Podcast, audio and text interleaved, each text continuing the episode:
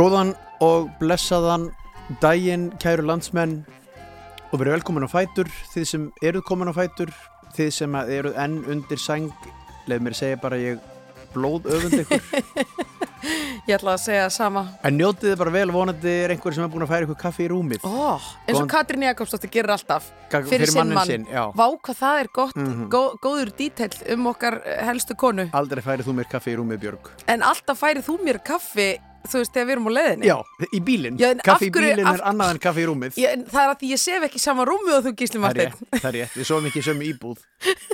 Þó í sama postnúmeri Hárrétt, laugrétt. En veistu, ég segi samt, ég segi samt Þetta er það fallegu dagur að ég var fein að, að koma mér út snemma. Það er rétt. Það er eiginlega staðan Það er rétt, við vorum, bæði, við vorum bæði sko úti í gerkvöldi Jú, en það var ekki vottur af eftirsjá að hafa rifið sig upp til þess að sjá Nei. þessa þessa hérna, hvað hva segir maður, dagsins gildur önd vá. Já, dagurinn er að koma upp Stórt. hérna Já, bara kringum bláfjöllun og þar. Já, Þetta er, ég er að vísa í ljóð sko. Þetta er að Já. vísa í ljóð. Já, Ég bara bjóst ekki við já þetta, hvað segir maður, róðin af nýjum degi Árdagsins róði, Já, já, en þetta, þetta, var, þetta er bara stórkostlegt Já. og lita dýrðin alveg hreint. Og þú sagðir einmitt í bílnum, vonandi er lægi að vitna í, í það samtal Já, uh, þú sagðir einmitt, ef þetta væri málverk þá væri maður eiginlega svona, vá, já þetta er aðeins svo gerfilegt Aðeins svo gerfilegt, Já, einmitt. að þetta var bara eitthvað aðeins svo flott. Já. Það var svona aðeins svo eitthvað svona Disney endir á einhverju mynd. Já, veist svona- ekki þegar maður er sérstaklega ef maður er að gera í tölvu ef maður ætlar að gera svona þar sem maður litur þú veist, hvað við segja, fer úr hvítum yfir í rauðan. Þannig að þetta er svona Já. smám saman róðnar Já, já, ertu mikið að vinna með Nei, en bara ef maður, þetta er svona, þetta kallast gradient, ef þú ert að gera allir með okay. Ok. PowerPoint síningu eða eitthvað þannig, já, þá er þetta með svona gradient í bakgrunni. Akkurat. Og það er, það er mjög oft gerfilegt af því að þetta næri ekki að, að, að flæða sem sagt án þess að sjáir línunnar að hérna er hættir einn litur og Já. annar byrjar Einmitt, Já, einmitt og þetta var aðeins þannig Þetta var aðeins þannig, þetta var aðeins gerfilegur heiminn. Það er eina sem við höfum út á þetta að setja. en, svo hann var svo, samt raunverulegur já, auðvitað. Og svo var svo fallegt að sjá líka á gluggonum þegar við vorum að keira, þú veist að þannig að uh, litadýrin speglaðist í þeim. Akkurat, Óbúslega fínt. já, í vestur Alveg svakalega fínt. Já, þetta var, Svakalega fínt. þetta var bara þessi ökuferð okkar Björg, og, ég vil segja ógleymanleg Ég vil segja- Ógleymanleg Ég vil segja engar, sko, engar mótbarur Nei, við því og, og líka, þú veist, kaffibóllin var góður, sko. Já, það er komið nóvember, Já, já, víða, víða um land já, já, víða, víðast hvar, víðast hvar á landinu. Já, og það er Annar eiginlega meira að segja. mann finnst það samt eiginlega skrítið að því að, að því að hérna að því að það er búið að vera svo mikil einmunna tíð. Já, Jafnvel, sko, Norðurland sem fekk mik mikinn snjó mhm, er að fá mjög góða daga líka. Já, emitt. Og í dag er bara, sko, það er, það er kannski einhver smá úrkoma í kringum höfni hótnaferði og þar Já. á, á Suðausturlandi. Já. en öðru leiti er bara þurrt og öruglega bara víða sést í heiðan heiminn Mm Til Salla, salla fínt eins og Já. við, viðfræðingarnir segjum. Já, já, Nei, þetta er, þetta er nákvæmlega eins og segir. Manni líður veginn eins og þetta hafi bara tekst ansi vel úr þessu sumri Hausti hefur farið sko með okkur ljúfum höndum. Já. maður hefur nú séð verri lægðir en, en á þessu misseri sko. En, Já, rétt. Þannig að, og, og sko vonandi að því að þegar þetta er búið að vera svona þá, þá gerist eitthvað innra með okkur öllum. Það er einhver, einhver svona einhver, einhver svona jafnvægistilfinning og einhver réttlæti, maður hugsa bara, já já það er allt í lagi þó svo að vera harður vetur já, að því að við höfum haft það svo gott í hinga til.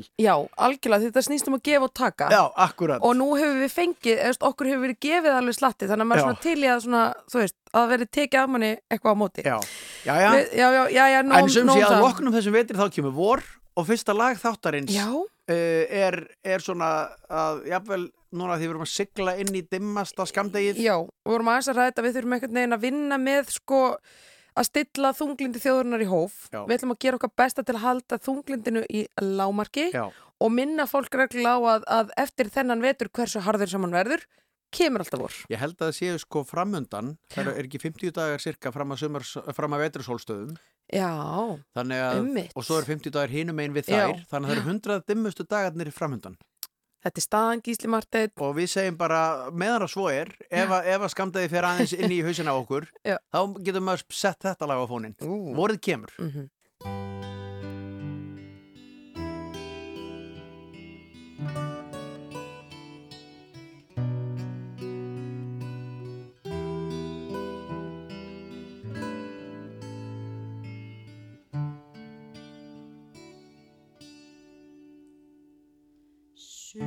Mann yfir sæin breyða, sumarilinn vindar leiða, draumalandið hímin heiða, hlær og opnar skautið sitt.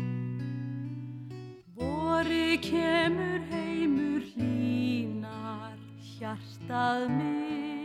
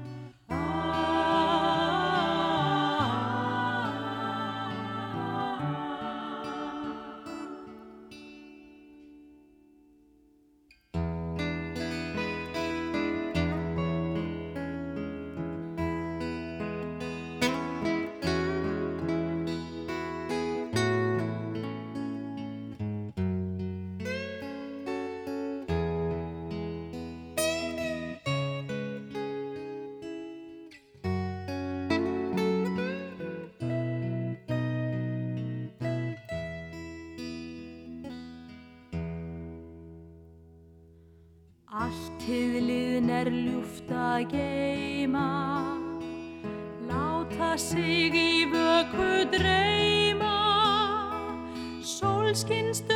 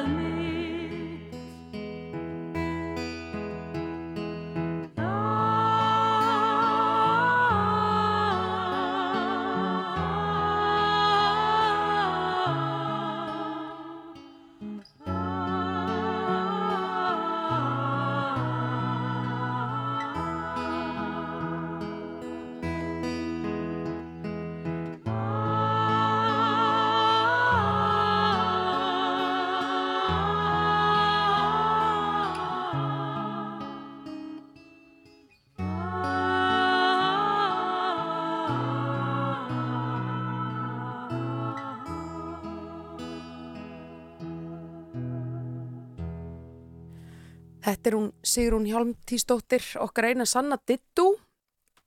Dásamlegt algjörlega. lag og dásamlega flutningur og þetta er auðvitað Valger Guðjónsson sem á þetta lag. Já, Æðislegt. Jóns og Köllu með textan hann Já. gerði, er þetta ekki ég man ekki búin á þessi plata, ég held að hann hafa gert tvær fuggdagsins hétt platan held ég Já, sem að var, var ekki fuggdagsins var þetta ekki, þetta var sko hérna eitthvað dagskrálir rás 1 í gamla það hættu. Nei, þá heyrðist Hér- eitthvað svona Nei, ok.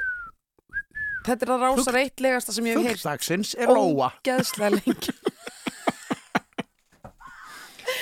Í alvöru. Ég- Og nei, þetta er geggjað. Ég man ekki eftir þessu sjálfur Vá. en ég hef bara heyrt af þessu Fugl dagsins. Já. Ég þarf nú eiginlega að leita. þessu og Valger sem sagt var með gerði blödu sem hétt þessu nafni Vá. sem var held í vísun í þetta Æðislegt. þetta er náttúrulega mjög fyndið sko Ógeðslega lúðalegt. Fugl, En fuggdagsins er förðufugl það var, ekki, það var aldrei neitt grín með þetta það var bara fuggdagsins er svartbakur vá. og ég veit ekki hvort það var fólk var að ringja inn eða hvernig það var Nei, þetta er, ég er að skoða þetta hérna í kistunni, þetta er bara hérna bleshæna, brandugla, mm duggönd, Mhm. fálki, fjöruspói, fíll, gargönd. getur þú spilað eitthvað af þessu? Ég ætla að finna hérna, hvað viltu? Gargönd viltu Gargönd hljómar útvarsvænust gar, gargönd, þetta er sko, já, rattir íslenskra varpfugla, þetta er úr þeirri sem sagt seríu. Já, akkurat, það er að- serjur Hvað er þetta þetta komin á því? Ég er á, ég er á sísonu þrjú Ég er á þætti fimm í sísonu þrjú Facebook-hópur Þetta er þáttur svo- með gargöndinni góður stórkostlega gott sko. Býti, ég er að, ég er að hérna, þetta me er að á detta meðan, inn, á meðan sko. sem get ég sagt að, hérna, að, að ég var sett á síningu í gær leiksýningu á domstöðinni Já. það er rættan á eftir Frumsýning var það ekki? Jú, frummari. Frum, æ, þú ert svo mikið Nei, svona herru, ég var ekki, ég fekk nefnilega ekki neitt miða heldur, heldur sko, að því að þáttur minn fjall niður í gær. Já, og Vala var að kenna og ég Já. einhvern veginn, heyrðu, það fárunlega að ég nýti það ekki einhvern veginn að ég sé bara í fríi. Mm, og, og hérna og svo sá ég bara í blöðunum að það var frumsýning á þessu stykki. Já, keiftur þau með það? Já, þannig, nei, ég bara, ég ringdi nýri þjóðleikus og sagði, nei, ég ætlaði að kaupa. En það er svo bara, nei, nei, við eigum inn Já. að það var akkur að þetta einhver út, þannig að þú getur bara fengið þessi með Já, já. Herðu, viltu heyra í gargöndinni? Já. Ég með þetta hérna. Ekki spurning Fugl dagsins er gargönd.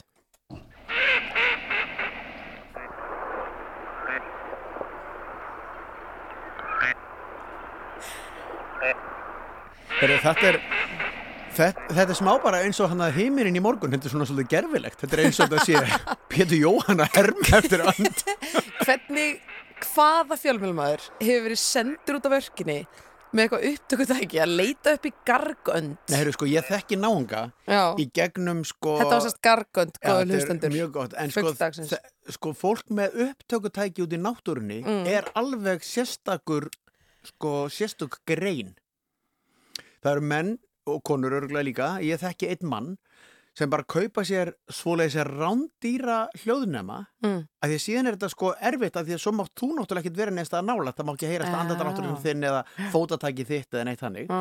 það er bara fólk sem er að taka upp hljóð út í náttúrunni alveg sem bara aðal áhugamál og jafnvel atvinna fólks já, já, ég Ég mun hver þurfa að melda þessar upplýsingar í svona að- þrjá daga. já, einmitt, allavega Vá. takk fyrir þennan fugl dagsins, Björg Já, Magnúsdóttir nei, takk þú fyrir að vekja aðtekli mína á þessum frábæra konsepti. nei, takk Valgir Guðjónsson fyrir að skýra plötinu þennan fugl dagsins Já, einmitt.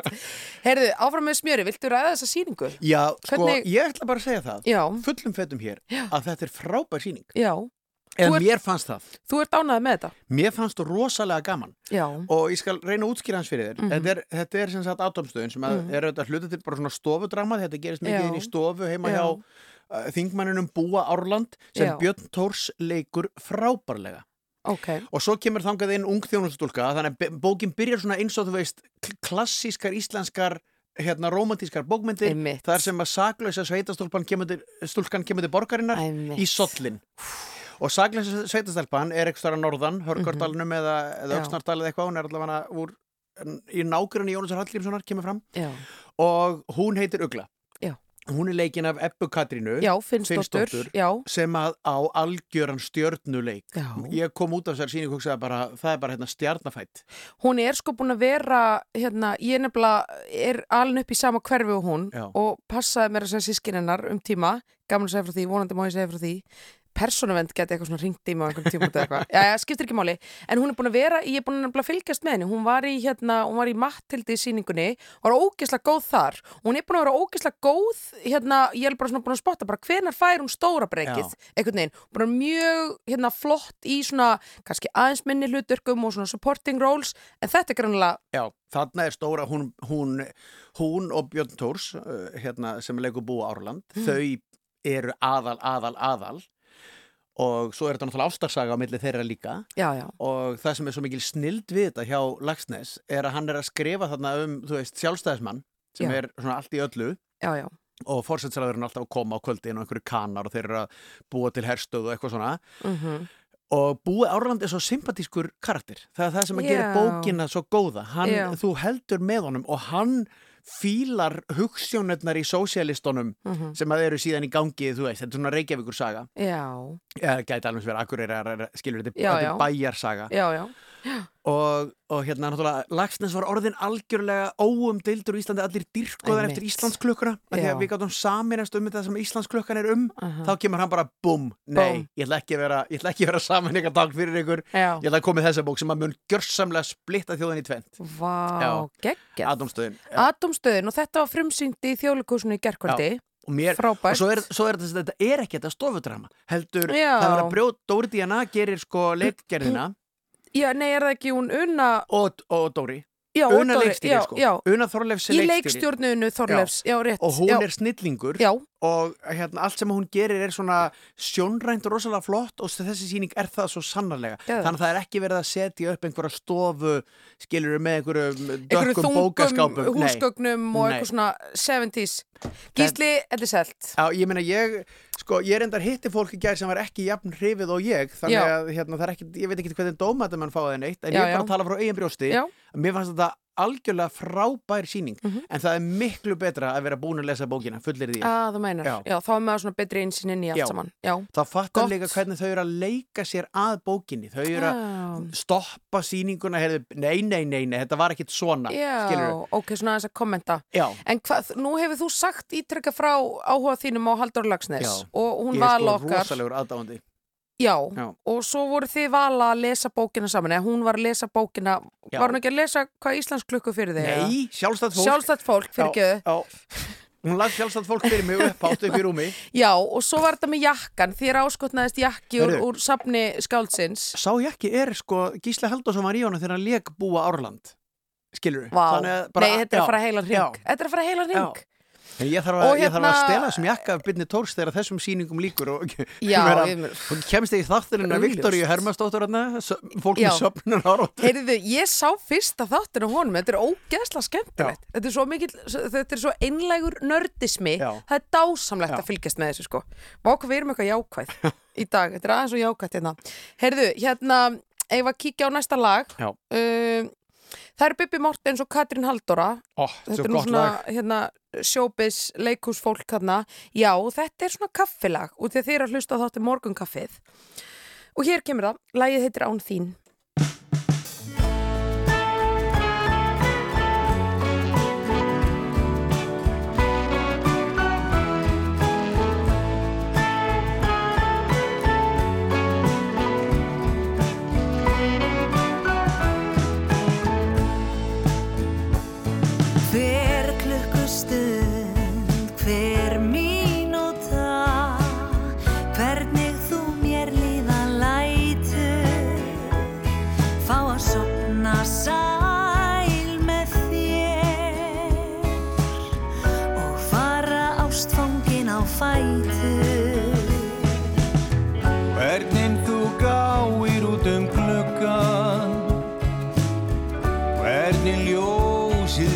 Á því. Hvernig þú drekkur þitt kaffi. Hvernig þú horfir bara á mig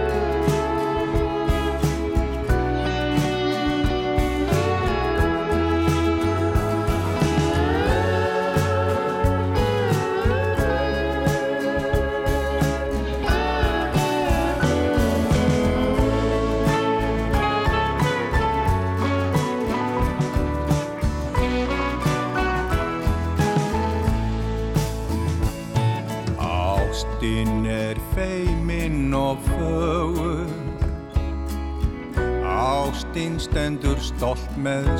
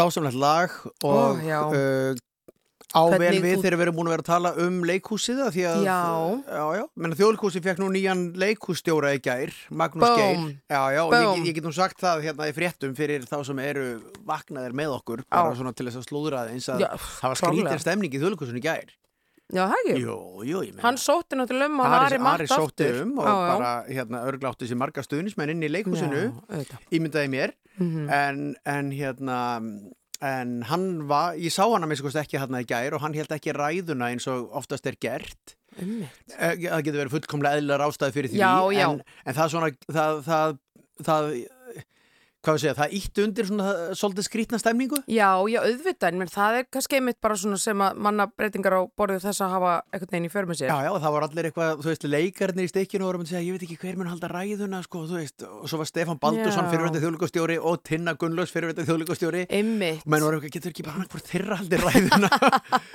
þú veist, er. Magn, er Magnús Geir hérna? Já, en við auðvitað bara óskum okkar Magnúsi Geir til hamingi með þetta. Já, Hann Ég er búin að standa hans. sig, ég, ég er nefnilega að segja það saman, hann er búin að standa sig ógíslega vel inn á já, en hann mun þjóðlíkastjóri á vona góðu, hann er, hann Já, er hérna, mun já. gera þetta vel Og hann er líka bara, þú veist, hann er svo mikill leikúsmaður. Þannig að maður skilur alveg, þú veist, að, að vera, hérna, stýra rúf er, er ekki alveg það sama og vera bara, þú veist, djúft inn í Mhm. leikúsinu. Þú veist, þetta er alveg, Og borgarleikus er heppið að halda áfram sinni konu sem Já. við sóttum um þetta líka, en Já. hún er búin að Já, rífa þar upp starfið algjörlega, og halda áfram með á mjög góðri, Það er góðri rétt, braut. eh, mitt að rífa upp kannski ekki rétt af því að Já. hún tóku góðu búi en Já, hún hefur bara-. Já, en Já, hún hefur já. bara gert þetta ótrúlega vel Algjörlega, mjög mikil stemning hérna já.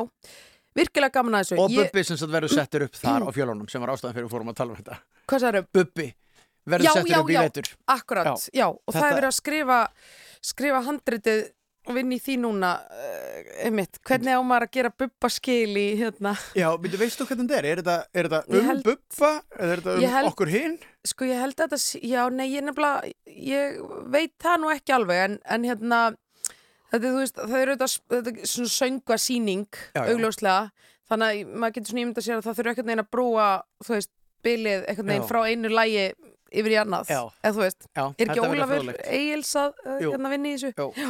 Hann er nú, hérna, á nú margar neglunar, Já. svona, uh, já. Herðu, en ég var, ég var í, ég var að Þú veist- stuðla að uppbreytingu barnabröðkupa í Malaví í Já. gerkvöldi. Já, Já, í beinni útsendingu hér Jú, jú, á RÚF, það var söfnun og þáttur á vegum UN Women. Þetta er stærsta verkefni sem UN Women á Íslandi hefur ráðist í. Sjúklega metnaðfullt, þær voru sko tvö ár að vinna að þessum þætti og þær tölum við um það bara svona einmitt að sannfæra RÚF um að þetta væri málið, að þetta er auðvitað, veist, þetta er hérna, fjarlægt okkur, þetta er rosalega svona Sértækt sértækt málefni og náttúrulega mjög erfitt að Já. tala um þetta Já, og einhvern veginn hvernig átt að finna línuna að þú veist, gera þetta ekki að einhverju svona þætti að sem allir bara, þú veist, gráta og missa trú á, á heiminum einhvern veginn. já, Þetta var bara mjög áhugart og það voru svo flott innslög frá þeim. Þannig að maður svona frættist mjög mikið um samfélagið úti og maður svona, allt í nú var þetta komið svolítið nær manni, já, sko. einmitt. Þau sendu sitt fólk út, Þóri Karitas sem var einmitt í mjög flottu viðtali við hérna mannlíf, það er hægt að grípa það blað með sér.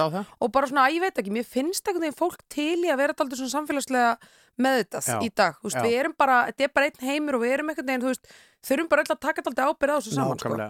Þannig að hérna, mér finnst þetta bara rosalega fró, fróðlegt og vel að þessu staði sko. Já, gaman en ég að meina, heyra. ég er auðvitað ekki hlutlaus Nei, nei, þar sem ég tók þátt í þessu. þú varst í símaverinu eða Já, ekki? við Atlimár Steinason vorum þar. Já, og það var einmitt sagt við okkur, herri, já, ok, þú veist, þetta er sjúklega hefimálumni en þið verið bara svona létt og skemmtileg. Einmitt. Og maður alveg, ok, en við erum samt að tala um svona hróttalegt málefni, Já. sko. Ég sá myndir að- sko sem fólk hafi tekið af skjánum af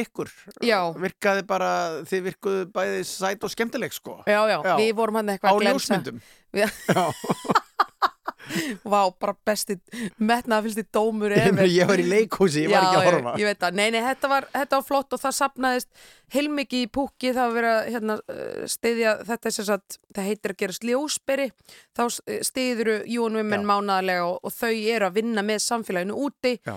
Að, að upprætingu á barnabrúðköpum eins og ég segi. Og það Æ. er ennætt að taka þátt hérna bara jónwomen.is Ég segi vel gert, Björg mín. Já, þakkaði Já. fyrir. Já, uh, Ég var að bæta heiminn í gær já uh, og er þakklátt fyrir það. Tækifæri. lítið lóð á vogaskálanar Já, emmitt uh, Fáum eitthvað lag, hvað viltu spila fyrir okkur? I got you babe. Og að það er sko náttúrulega saga bak við það, Það vegna þess.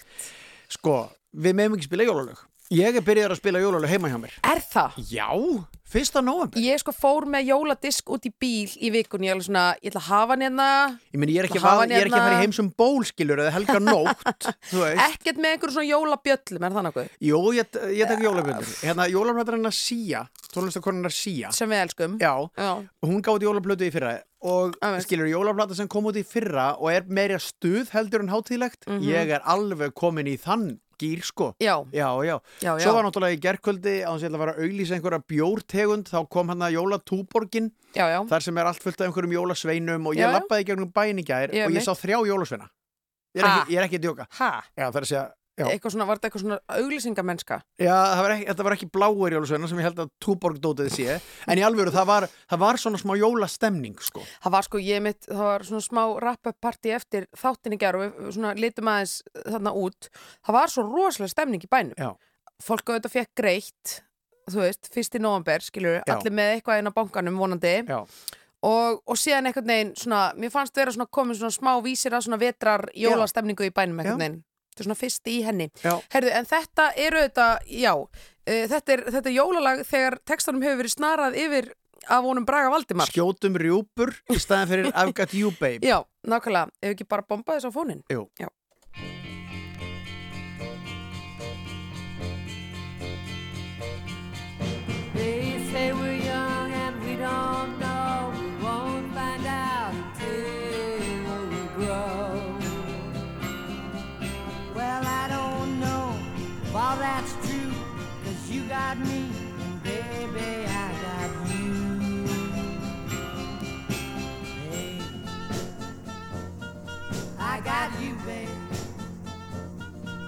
Got you, babe.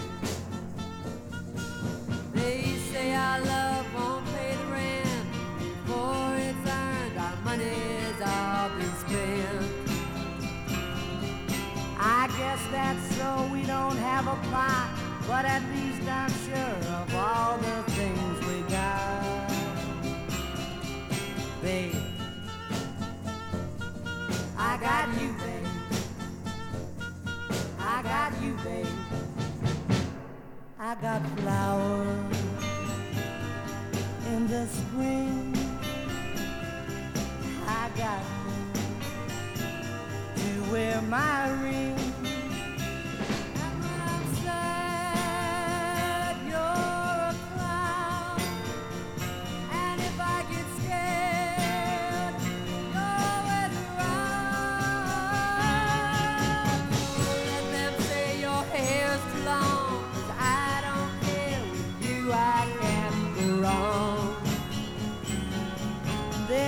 계십시오.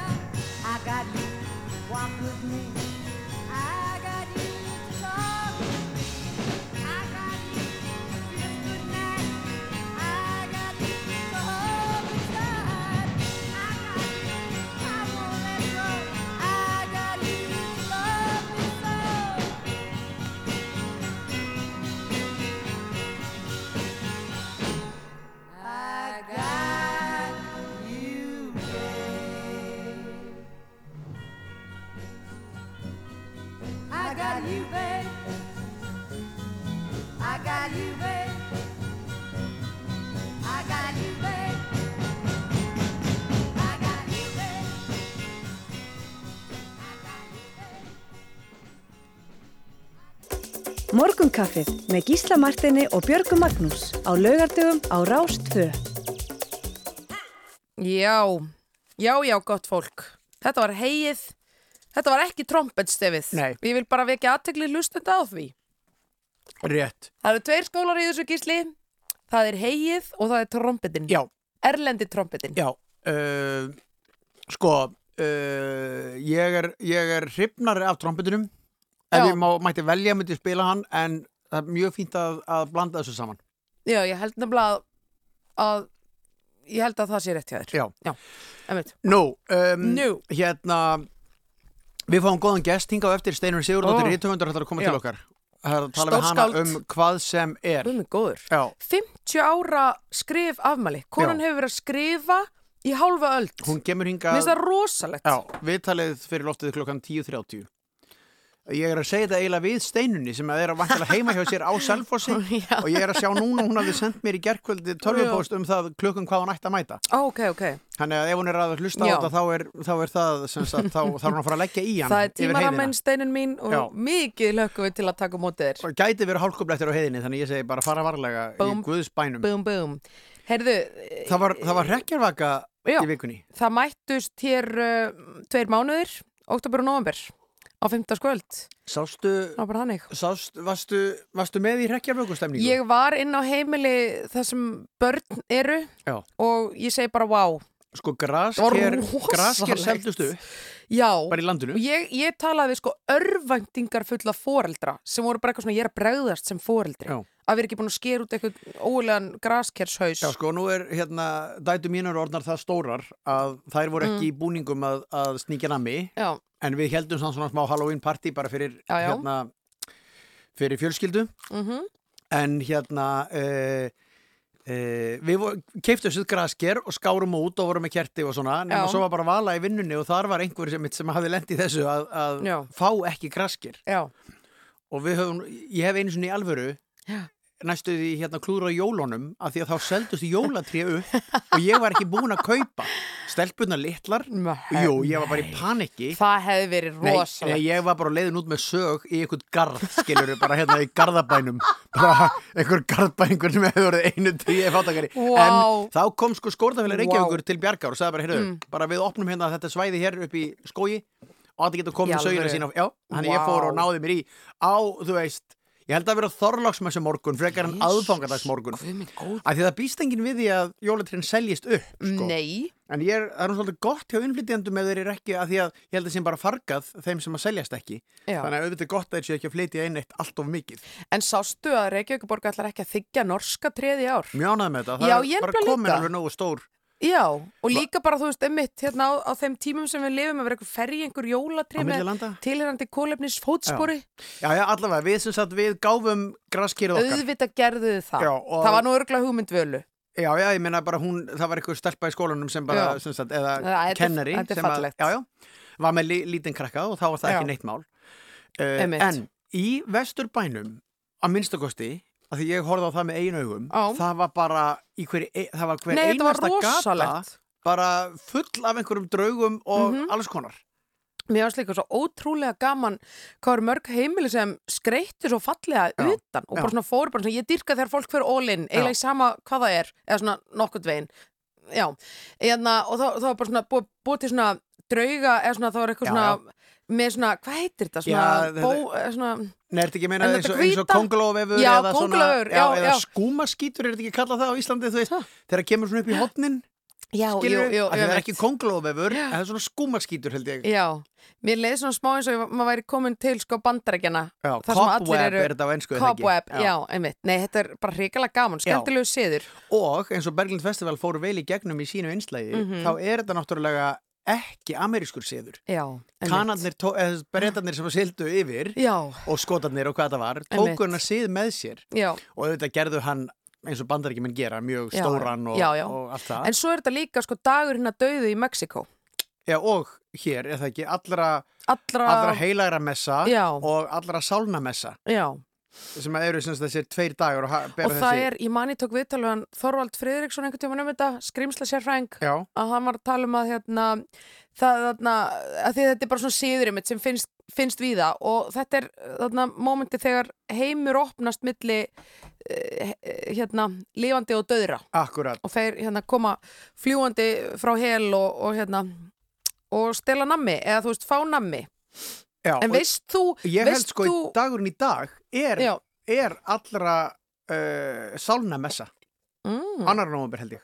En ok, nú, nú voru mitt börn hann inn á heimilinu sem ég var á og það og komu rosalega margir dingla og þau sögðu sko grikkiða gott Já. og við náttúrulega bara, þú veist, bara takið þetta Já. og bara við erum ekki að fara að lenda í ykkur en hvað heldur að myndi gerast? Hvaða grikki heldur að börn hafi verið búin að plana? Veist, hvað gætu, hvaða scenarió gætu þið séð Ég fyrir okkur áttum skilur? ekki á því alveg, sko. Nei. Emmitt, Eitthvað, stela einhverju, stela graskýru neðra eða eitthvað. stela graskirinu Já. Já. En þetta er sem sagt, já, þessi hátíð er frá árinu þúsund eða svo. já, sem að er uh, hérna, eitthvað kemur frá einhverju klaustri í Fraklandi og er kallað allra sálnamessa Mhm. og var sett á annan nóvember sem er í dag Já. og er engum ætlu til hjálpar sálum fátækra já, þannig að þá veitum við það. Þá veitum við það. Það er Alltaf bara í dag, ef eitthvað vantar, tækja, eitthvað vantar tilefni til þess að fagna í dag eða gera eitthvað skemmtilegt þá er þetta. Já, gott tilefni. Og ég, það er bara, þetta er, þetta er frábært tilumni og það er nú ímis fleiri heyrist manni. Góð En- stemning á landinu, Já, mér finnst það. en uh, talan um jólalög rekkjarvökulög eru líka eitthvað. Það er þeim. rekkjarvökupartí og það er ekki hægt að spila Ghostbusters bara á repeat. Nei, Eitt lag sem verist vera á öllum þessum rekkjarvöku playlistum eða spillistum er hið ágæta lag Varúlvar í London. Mér finnst þetta rosalega gott lag. Neglum þessi gang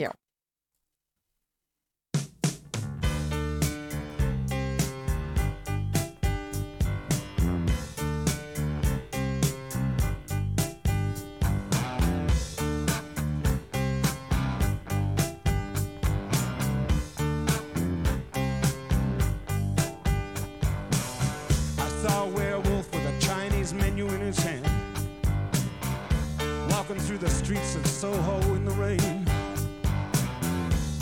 He was looking for the place called Lee Ho Fooks. Gonna get a big dish of beef chow mein.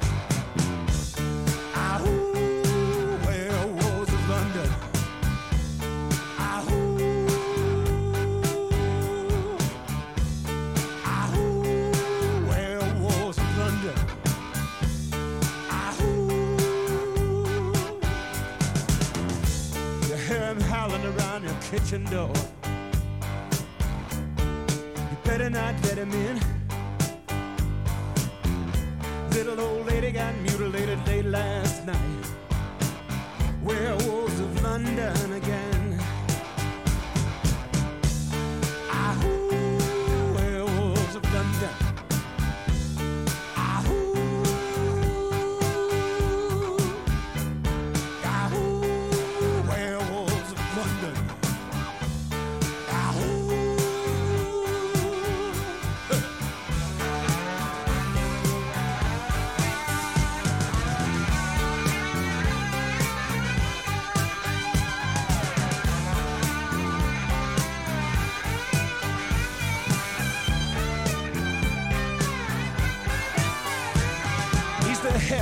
gent who ran amok in Kent.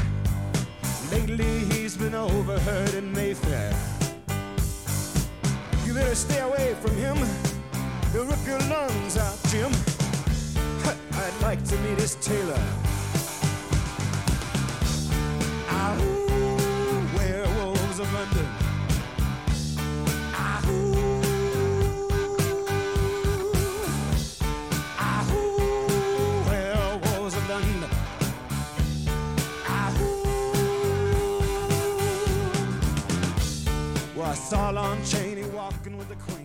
Veitu, hlustaði. Nei, ok, ég held að kemur þarna walking nú kemur það. Já. Nei, ok, kemur London. Einhvers staðar kemur His hair was perfect Ó, á Vic's. Nú kemur það Já. His hair was perfect. Ok, Búm! þetta er, þetta er sko að því að allir sem hafa séð myndina Color of Money með hérna Paul Newman og Tom Cruise Já, þá er mjög eftirminnileg sena það sem að Tom Cruise er að syngja þetta lag. Mm, og tekur akkurat His hair was perfect. Auðvitað. Þetta er frábært lag. Vá, já, nei, ég fíl þetta. Þetta er svona, þetta hæfir it is the season, þetta Já. hæfir árstíðinni. Já, og alltaf gaman finnst mér að uh, heyra menn leika eftir uh, hljóðum úr varúlfi. Já. Ég verð bara að segja það. Akkurat. Ég verð bara að segja það. Ég man að því einhvern veginn þegar maður var yngri var meira einhver, eitthvað tal um varúlfa og meira svoleiðis mynd hérna af svoleiðis bíómyndum og eitthvað þar sem að fólk breytist í varúlfa og fullu tungli og eitthvað svona. Já, hérna Já, ég meina það, þetta er náttúrulega rosa sterk genre, hvað heitir genre á íslensku? uh, bara flokkur. Já. Uh, Akkur man ég ekki hvað þetta heitir hérna með honum. Oh, oh Nú man ég ekki neitt. Nei, Nei, hvað? góð Get ég hjálpað þér? Nei, hérna bara nýjasta varúlfa hérna, vampíru varúlfa uh, ó, það, er öllu, það er öllu stólið Þú ert að meina hérna frá hérna, kvikmyndaflokkurinn? Já, og bækurnar. Já, einmitt, ég las þetta ekki þetta var svona unglinga Já. bækur daldið þetta ekki? Jú, það er bara það, Ert að djóka? Kirsten, eitthvað? Þetta er ræðilegt útarsafni, sko. En þú þarft ekki að finna það heldur. Nei, ég veit að nú er, nú er ég bara svona obsestaði og ég vil finna það sjálf. Herru, nema hvað, Já. við ætlum að skipta algjörlega um gýr hér og að því að nú er svona já, nú finnst mér svona eins og fólk sé kannski ætla að taka eitt lag í viðbót undir sæng og svo kannski svona hefja nýjan dag Já, þú ert svolítið með fólk ennþá bara undir sænginni ég, ég meina, er einhver ástæð til að fara fram úr og þú þarft ekki að fara fram úr Nei, þó sko- að sé fallegu dagur, skilur Ég til dæmis held að útvarsveikjara klukkur væru ekki lengur hlutur. Ég held að menn veru hætti með útvarsveikjara Já. klukkur. Af því ég nota alltaf síman minn sem, að- sem veikjara klukkuna. mm, En diggur hlustandi þáttarins er með útvarsveikjara klukku, já, stillir hann klukka nýju já, og er síðan svona hálf dormandi undir malinu í okkur. já. Já, Já. ok. Það er næs. Þú veist að því að útvarsveikjara klukka virkar þannig að það bara kveiknur útarpinu. eða þannig, sko. Samanber í henni ágættu mynd Groundhog Day, já, þar sem hann vaknar við einmitt I've got you babe, sem við erum að spila hérna já, áðan. það var gett. En hérna, eitt, af því að hann, Mattias Tryggvi, ég hitti hann nú einmitt í gær, útrúlega gafin spjalla við hann, hann var í kapsmáli í síðustu viku og þar endur skýrðan vekjara klukkuna morgunfjandi, sem ég fannst svolítið skemmtilegt. En það er þá, í, það, sko, morgun, þetta getur bæði verið morgunfjandi og ekki, þetta er klárlega morgunfjandi þegar hún nennir enga veginn að vakna. Einmitt. Þá er þetta vaðandi Já. morgunfjandi. En fyrir ekki ég tröflaði, þú varst að segja við varum algjörlega að fara að skipta um gýr. Já, við, það er það sem við ætlum að gera. Og núna ætlum við að, að dýfa okkur yfir í lægið önnur sjónarmið sem eru þetta bara ódöðlegt og ógleimulegt í flutningi hennar Eddu Heirunar Bachmann uh, leikonu heitinar og úr myndinni eins og já, eftir hann Hilmar, Já. er það ekki Oddsson, já. Uh, og ég held að sé bara full ástæða til að, að hækka vel í græjunum.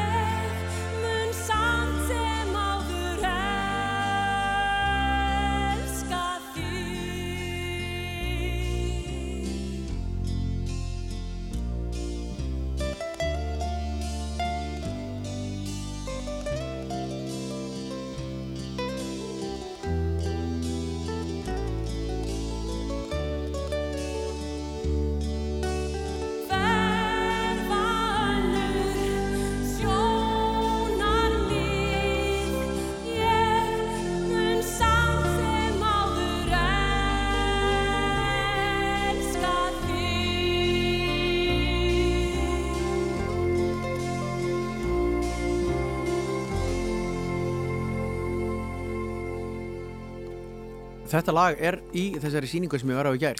Já, það? Já, ég var bara búin að gleyma því. Ok. Þá kemur organistinn, Nú, uh, hefur lesið Atomstöðuna? uh, nei, Nei, organistinn er hérna einhver náungi, ég hef bara nýbúin að lesa hana sko. já. En meiri sé að las ég hann ekki einu sinni, við sko að gera, ég hlustaði á Haldur Lagsnes í lesana. Nei, Það er til upptaka Hvar hérna. er, hæ? Já, til upptaka á Rúf sem sagt, Ok. hann að lesa þessa bók Ok, og hún var, var einhvern tíma bara bók mánaðarins eða vikunar eða eitthvað, já. já. Og, og hérna, þannig að ég gæti verið í einhverjum göngutúrum með hann í eiranum að, að lesa þetta. Já, Organistinn er sko hérna uh, byggður á Erlendi í Unuhúsi vini Lagsnes. já. Veistu, Unuhúsi er þessi, þetta hús þarna í Garðastrætinu, þessum Guðrún. Sólei, kollega konakkar er fættu Ná- uppalinn. Nákvæmlega, þetta var náttúrulega mikið menningarhús Heldur og þarna voru nú helstu skáld bæjarins Já. Steit Steinar og bara allir einhvern veginn í kaffi og Já. Þvílík svona gerjun og bara svona veginn Og þetta oh, organista, þessi organista senur í atomstöðinu eru, eru sem sagt, innblásnar af þessu. Já, Já. ok. Og, og þegar hann kemur einhvern tímann inn að því að svona, það eru önnur sjónamið sem koma fram hjá organistanum heldur en heima hjá þingmanninum, þá er, sagt, þá er honum ítt inn ah, hérna, og orgelinu og eitthvað svona Skemmtilegt og þá kemur þetta lag undir sem að mér fannst aldrei skemmtilegt. Já, Og svona það er Arnmundur Ernst sonur Eddu. nákvæmlega Já. Þannig að, gaman að þessu. Heyrðu, að því vorum að tala um Aramat, hann er hætta sem þjóðleikustjóri, hann getur sótt um sem forstjóri Reykjalundar. Ég sé að það Eða útastjóri. Já, einmitt. Já, já, það er, nú fyrir eitthvað svaka flétta í gang. Mm -hmm. Mhm. Ringi ekki að.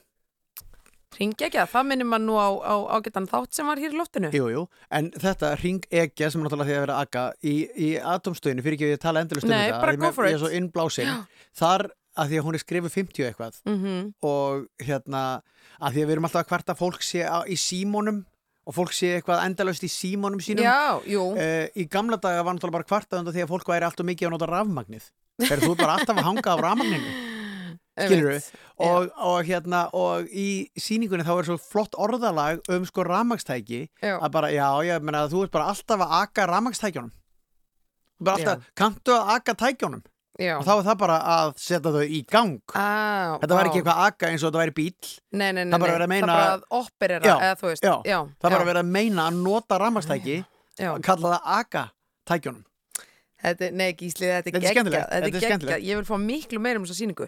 Sko, er það bara ég eða er ógeðslega mikið að bókum að koma út? Ég er nefnilega að sá að Egil Helgason var eitthvað að tjá sig um þetta. Bara, ok, þannig ég er alveg smá svona að stela hans teiki, en það er alltaf leið, við erum vinnir og hann fílar það örgla. Hérna, að, að sko, er ekki óvinni mikið að bókum að koma út núna?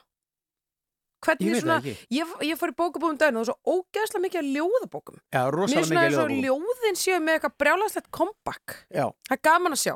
Já, og hérna Og við erum auðvitað að fara að tala við hana Steinunni Sigurðardóttir, bara eitt af okkar svona höfuð, höfuð skáldum samtímans. Já, Og, og, hún, hún er að mitt með nýja, nýja ljóðabók. og tegið sér líka yfir svo langan tíma ég meina, hún var eina listaskaldunum vondu Einmitt. í háskóla bíói og hún er ennþá Einmitt. relevant að fjalla um hún er að kenna held í ljóðlist upp í háskóla í vetur Já, einmitt. eða að rannsaka eða eitthvað, hún er með einhverja stöðu við háskólan Já. þar sem, að, þar sem að ljóðlist er hennar aðal viðfangsefni við spyrjum að nútið það hér. Já, þegar hún kemur til okkar. Herðu, við erum að fara að skipta yfir á fréttastofuna gott fólk. Það er bara staðan þið þekkið þetta. Við erum ekkert farin. Komum hér aftur eftir tíu fréttinar.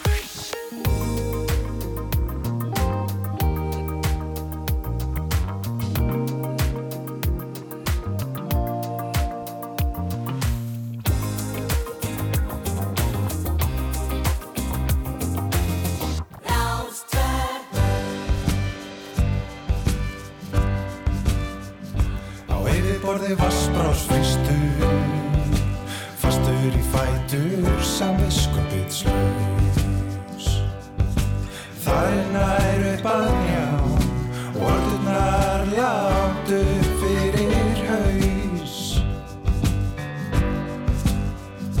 Á heiminn kvöldu dauða kvöldi Grítist yfir sandin og frísin að ferðina Blaðsíðurnar eru allar rúnar og yngri þeirra var talað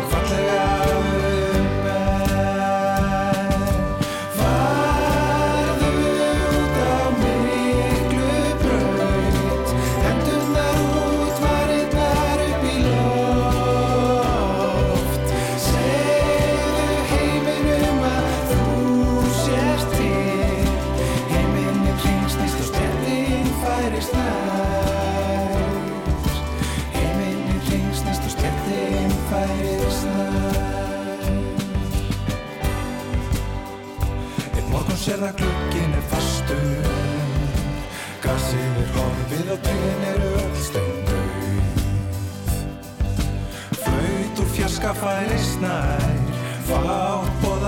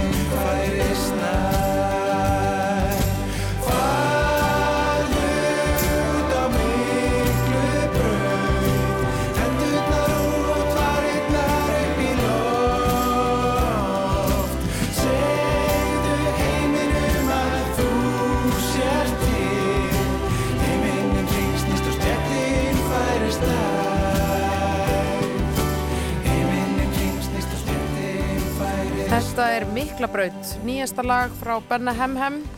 Ég verð að fá að gera eina aðtöðsamt, Benni, eða þú veist að hlusta, sko Björg á hinsta degi. Svakalegt. Ég vona bara hann hafi ekki rétt fyrir sér. Þú veist, einhvern tímann Sko, hlýtt við ég samt að vera á hinsta degi, en Já. vonandi er það ekki dagurinn í dag. Við erum búin að spila þetta lag nokkur sinnum og þú hefur lifað það af. Já, meinar. Já, Ú, Þannig ég hugsa gott. að þetta sé sko örgla björg með litlu. Við skulum bara ákveða það. Ok, ákveðum það. Herðu, hún Inga Marja S. Jónínu Dóttir var að senda okkur skilaboð. Uh, hún er að byggja okkur að varast slettur í En- útvarpi. ensku slettur. Já, við höfum kannski verið full mikið í því. Gæti Minnist þess þó ekki, ég ætla ekki alveg að taka þetta á mig strax, en uh, að sjálfsögðu Ég sé munum bara, við no way, no way. að sjálfsögðu Að hlustu sjálfsögðu, á þetta og, auðvitað. og gaman að fá skilaboð aðhald, Að sjálfsögum. aðhald frá hlustundum. Já. Takk fyrir þetta, Inga mín. Um, hér kemur Steinun Sig- Steinun Sigurdóttir eftir, eftir hérna eftir nokkra mínútur, eða svona 20 mínútur. Uh, við ætlum hins vegar að halda áfram með góða tónlist og uh, næstur upp á svið er uh, kongurinn sjálfur, Elvis Presley. Já, þetta lag náttúrulega hérna, komin í vitund yngri kynslaurinn er í gegnum Fine Young, Ca- Young Cannibals Já, sem kom hingað og spiluðu Einmitt. held í 1986 á 200 ámæli Reykjavíkuborgar já. Og já, já, kom hingað með Simply Red og það var öllu tjálta til. Ég var bara í sveit í Húnavarsíslunni þannig að ég komst ekki með haugsöguna bara fullu og, og mjölka kýr og hérna en, og hann Roland Gift uh, söngvari átti íslenska kærustu þetta þótti Já. alltaf bara mikil, Vá. mikil tíðindi. Vá. en, sagt, en upphaflega útgáfan af þessu lagi er, Mhm. er með Elvis Mm -hmm. uh, um hérna tortregnu huga Beint í loftum þetta.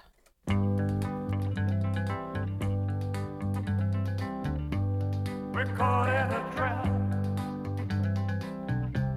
I can't walk out because I love you too much, baby. Why can't you see what you're doing when you don't believe.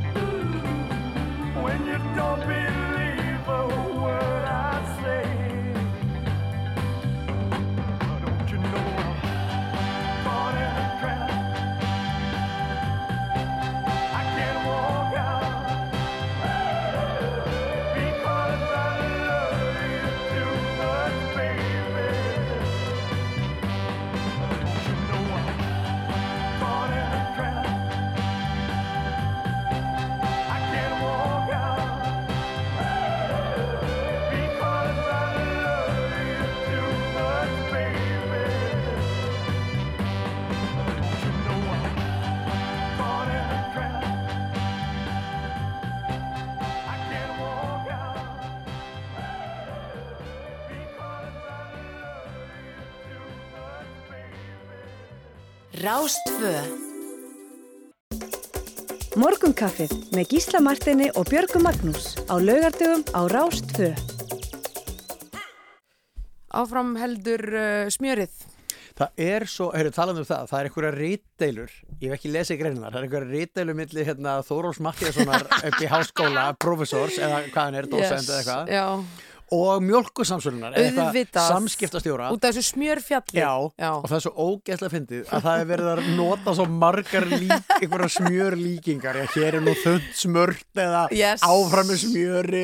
Smjörklípu, aðferðin. Ó, þetta er svo geggjað. Já, Dýrk, þetta er- dýrkat, ég man þegar Þórólfur tók síðast hérna lambakjöts, hérna greina, greinaflokkin. Mér finnst þetta vísu sko, mér finnst þessar umræður alltaf vera frábærar. Af því að, hérna, af því að, þú veist, við erum við erum einhvern veginn, þú veist, svona eh, landbúnaðurinn hérna er svo stór hluti af okkur. Þú veist, maður, við höfum öll borðað þessar dásamlega landbúnaður alla tíð. Já, já. og, og hérna, og það er bara sjálfsagt að við séum aðeins að ræða það, hvernig er svo best. Meni, ég, eins og fram hefur komið sem þætti, þá var ég alltaf í sveit Já, Gísli Martin, það hefur komið fram nokkru sinnum. já, Þú, ert, þú ert óspar á, á hérna... Nei, ég dýrkaði sko, ég Já, elskaði að vera í sveit Ég elska að þú hafi verið í sveit Já. yfir höfuð. og, og hérna bændur þessa lands eru nú svo sannlega ekki hérna Uh, það er engin ofraust sem að þeir fá í peningum til sín, já. þeim er smávegis haldið í fátækta gildru í þessu kerfi Mm. þannig að mér er alltaf fundist býtu að hljóta allir að vera til í að ræða það hvort það sé eitthvað hvort það sé að það breyta eitthvað þessu kerfi þannig, að, þannig að sko góðir bændur bara hafið aðeins betra. Já.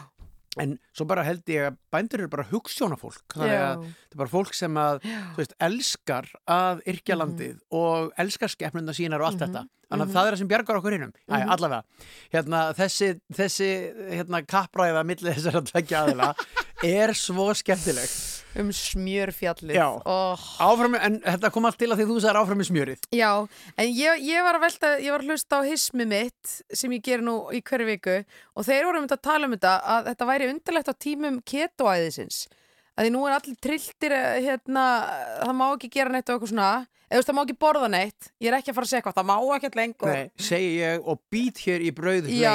í mótmælaskinni við ketóið Nákvæmlega, og svo er fólk að, að, að tróði þessi smjöri endalaust og smjöri í kaffið og smjör hér og þar, sko. Eh, kannski hafa þau of mikið smjör út af, hérna, einhvern veginn tíðarandanum. Þú veist að fólk væri eitthvað, en svo kannski skilaði sér ekki, ég veit ekkert um þetta. Nei, nei, Ég veit ekki neitt um þetta. Nei. En við vitum allavega að það er smjörfjall einhver staðar geimt á vegum Mér mjólkursalsunar. það verið að selja þetta með afslætti til útlanda Já, já. Ég segi selja þetta með afslætti til innlanda Gefið okkur ódýrt smjör Nákvæmlega, ég meina jólabaksturinn framöndan, Mhm. halló, mm þetta væri gott pér. Mér finnst íslenskt smjör gefið því, rosalega gott gefið því Íslendingum það tilbaka Já. Já. algjörlega, þetta er okkar skilabóð herðu, við ætlum að fara í unga uh, geggja tónlistakonu Unu Skram Mhm. Uh, fætt 1999 Og líka með þeim orðum að Sko nú er november nýbyrjaður og, og hérna, eitt sem við Íslendingar eru dálítið dugleg við, finnst mér Hmm. það er að stytta okkur aðeins stundirnar í skamdeginu og eins og við vorum að tala um hérna áðan við Björg það eru hundrað dimmustu dagarnir framöndan Jeps. en við, við sjáum það ekki sem dimma vegna það er svo margt skemmtilegt að gerast það er svo mikið stemning og eitt af því er Iceland Airwaves sem Mhm. byrjar á miðvikudaginn mm -hmm. Hvort sem hann kaupir sér miða eða ekki ready. þá bara er stemning í bænum bara Ó, það já. að fara henni í bæja að fá sér kakóbótla um kvöld er gaman meðan að Airwaves er í gangi af því að það er svo mikið Já. líf Já, bærin stúdfullar af fólki og Unaskram verður sem sagt ein af stjörnum Airwaves mm -hmm. í ár Mm hann er bara svona aðeins til þess að kynda upp fyrir Jú, hérna, jú, til að jú. verma okkur upp Jú, fyrir næstu viku það er lagi Get Away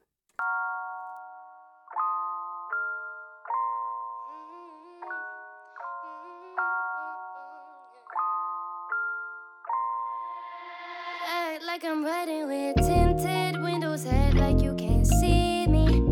Don't acknowledge, don't come near me. I don't want nothing to do with you. Don't want you trying to talk to me. Imagine it's illegal. Imagine you get locked up for coming up to my face.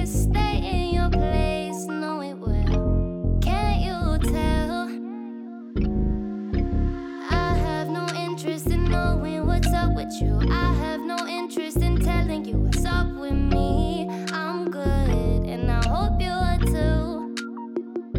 But I don't give a fuck about your feelings.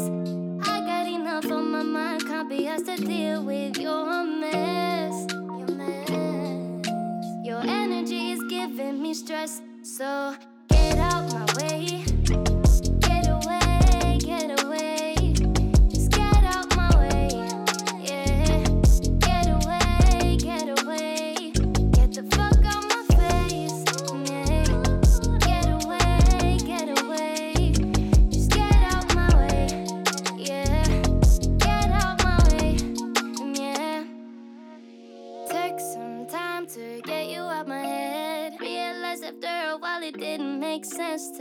waste any time. Letting you have an effect on my life. Whenever you arouse, suddenly I'm blind. Sorry, who are you? I don't know ya. Why you coming around like I should? Oh, sorry, bitch, I thought I told ya. I really love it if you could get out my way.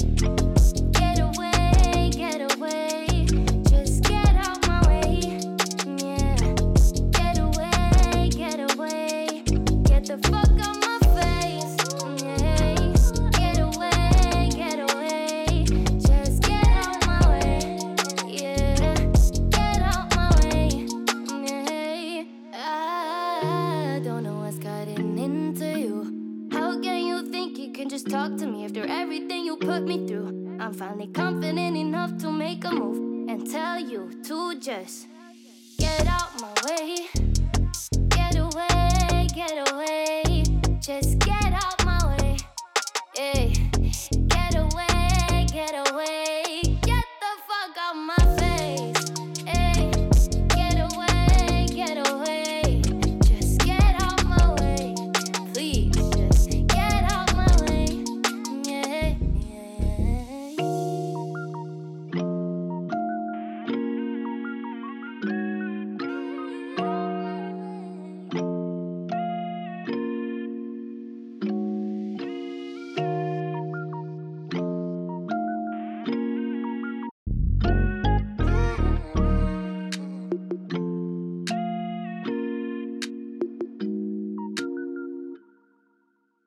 Þetta er hún Una Skram og lagið er Get Away. Hún er eina af þeim fjölmörgu íslensku tónlistarmönnum og konum sem koma fram á erfæfsháttíðinni. Uh, hér er dásalega kona að detta í hús við ætlum, ekkert, við, hún ætlum að gefa henni kaffi Já, og hérna það er hún Steinun Sigurðardóttir Já, hlakka til að tala við hana hér á eftir. Já, algjörlega og uh, við, við hérna hitum upp með einu lægi og, og svo förum við Já. víðan völl með henni. Algjörlega Ég er Ég, er sko, ég hef alltaf verið heldtekinn af þessu, þessum viðburði sem að er kallaður listaskáldin vondu. Þe þekkir það, Björg? uh, Nei, Nei, e- ekkert skrítið, þú Já. verður ekki að beðast afsökunum því. Ég Nei, hef sjálfur bara sko, frétti af því seint og um síðir, af því að þetta var eitthvað tímann, 70 eitthvað. mm Þá koma þau bara nokkur, -hmm. Steinun, Mm. Sigur Pálsson, mm. Rapp Gunnlaugsson, Þóran Eldjátt, Já, uh. Guðbergur Bergsson, Já. uh, Pétur Gunnarsson einmitt. og ég, Megas. Og þau sem sagt eru eru að fara að lesa ljóð Já, og þau tróðfylla háskólabíó. Já, tróðfylla, skiljum við bara komast færri að en vilja Já. til þess að hlusta á unga krakka, eitthvað 20 eitthvað ára einmitt. koma saman og lesa nokkuð ljóð. Og þú veist, þetta var bara byrjunin á einhverju stórkoslegu og svo er hefur allt þetta fólk leitt okkur bara síðan þá í, voruð ekki köllu fyndna kynnslóðin og svona Já, og bara einmitt. byggu til, þú veist, einhverja stjætt atvinnu skálda Já, já og mér ég hef alltaf verið heillaður af þessu þannig að við, við getum spurt steinun um þetta og margt Það annað er ímislegt að ræða við hana steinunni. Hún er að fá sér kaffi hérna, við ætlum að heyra eitt lag með auði og það er lagið Ósofin. Ég Mhm. vona nú að þetta sé ekki ástand sem fólk er svona almennt séð í. vonandi ekki, Vonandi ekki. en eins og hann sagði sjálfur hérna, að þetta lag varð vinsælt seint og að þið verður skam okkur fyrir að sletta ég ætla samt Já, að gera það hér bara, ok. ég vara Biðst fólk við þessum orðum já, já. að því hann sagði sjálfur það er svo, fyndið þetta lag sem heitir Ósofin er svona slíper að því að það var lengi í gang og svo vaknaði það Einmitt, herðu, skellum svo fónin og svo spjöllum við hana steinunni.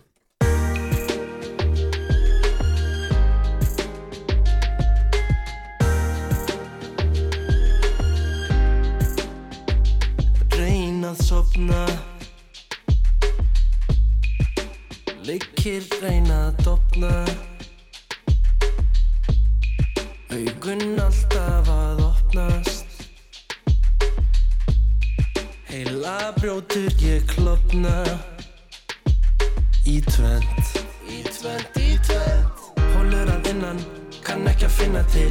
Hún er stjörnur hrap, ég er stjörnur bliss Palli, palli, ég er gorgeous einn í heiminum. Það er svo erfitt að sjá þig brósand á ljósmyndum. Fortíðinn á hælunum og hvílan út í maganum. Algóriðmar í símanum. Minn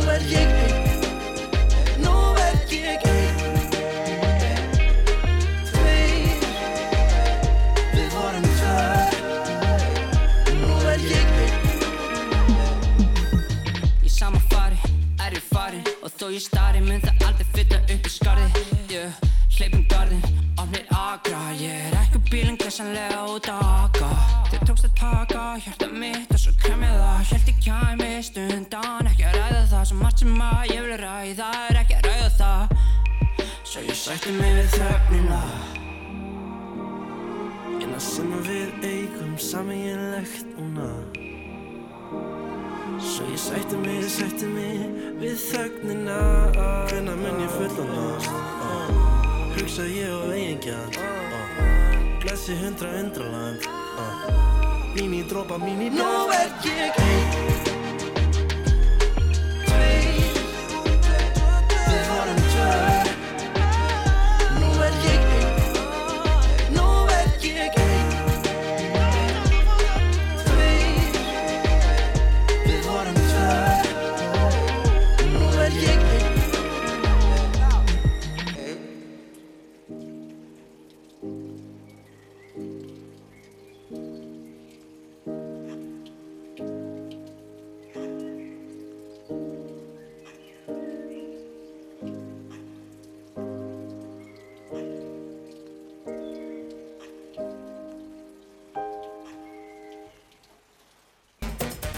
Morgun kaffið með Gísla Martini og Björgu Magnús. Alla lögadaga á Rástvö. Fyrst og fremst um helgar.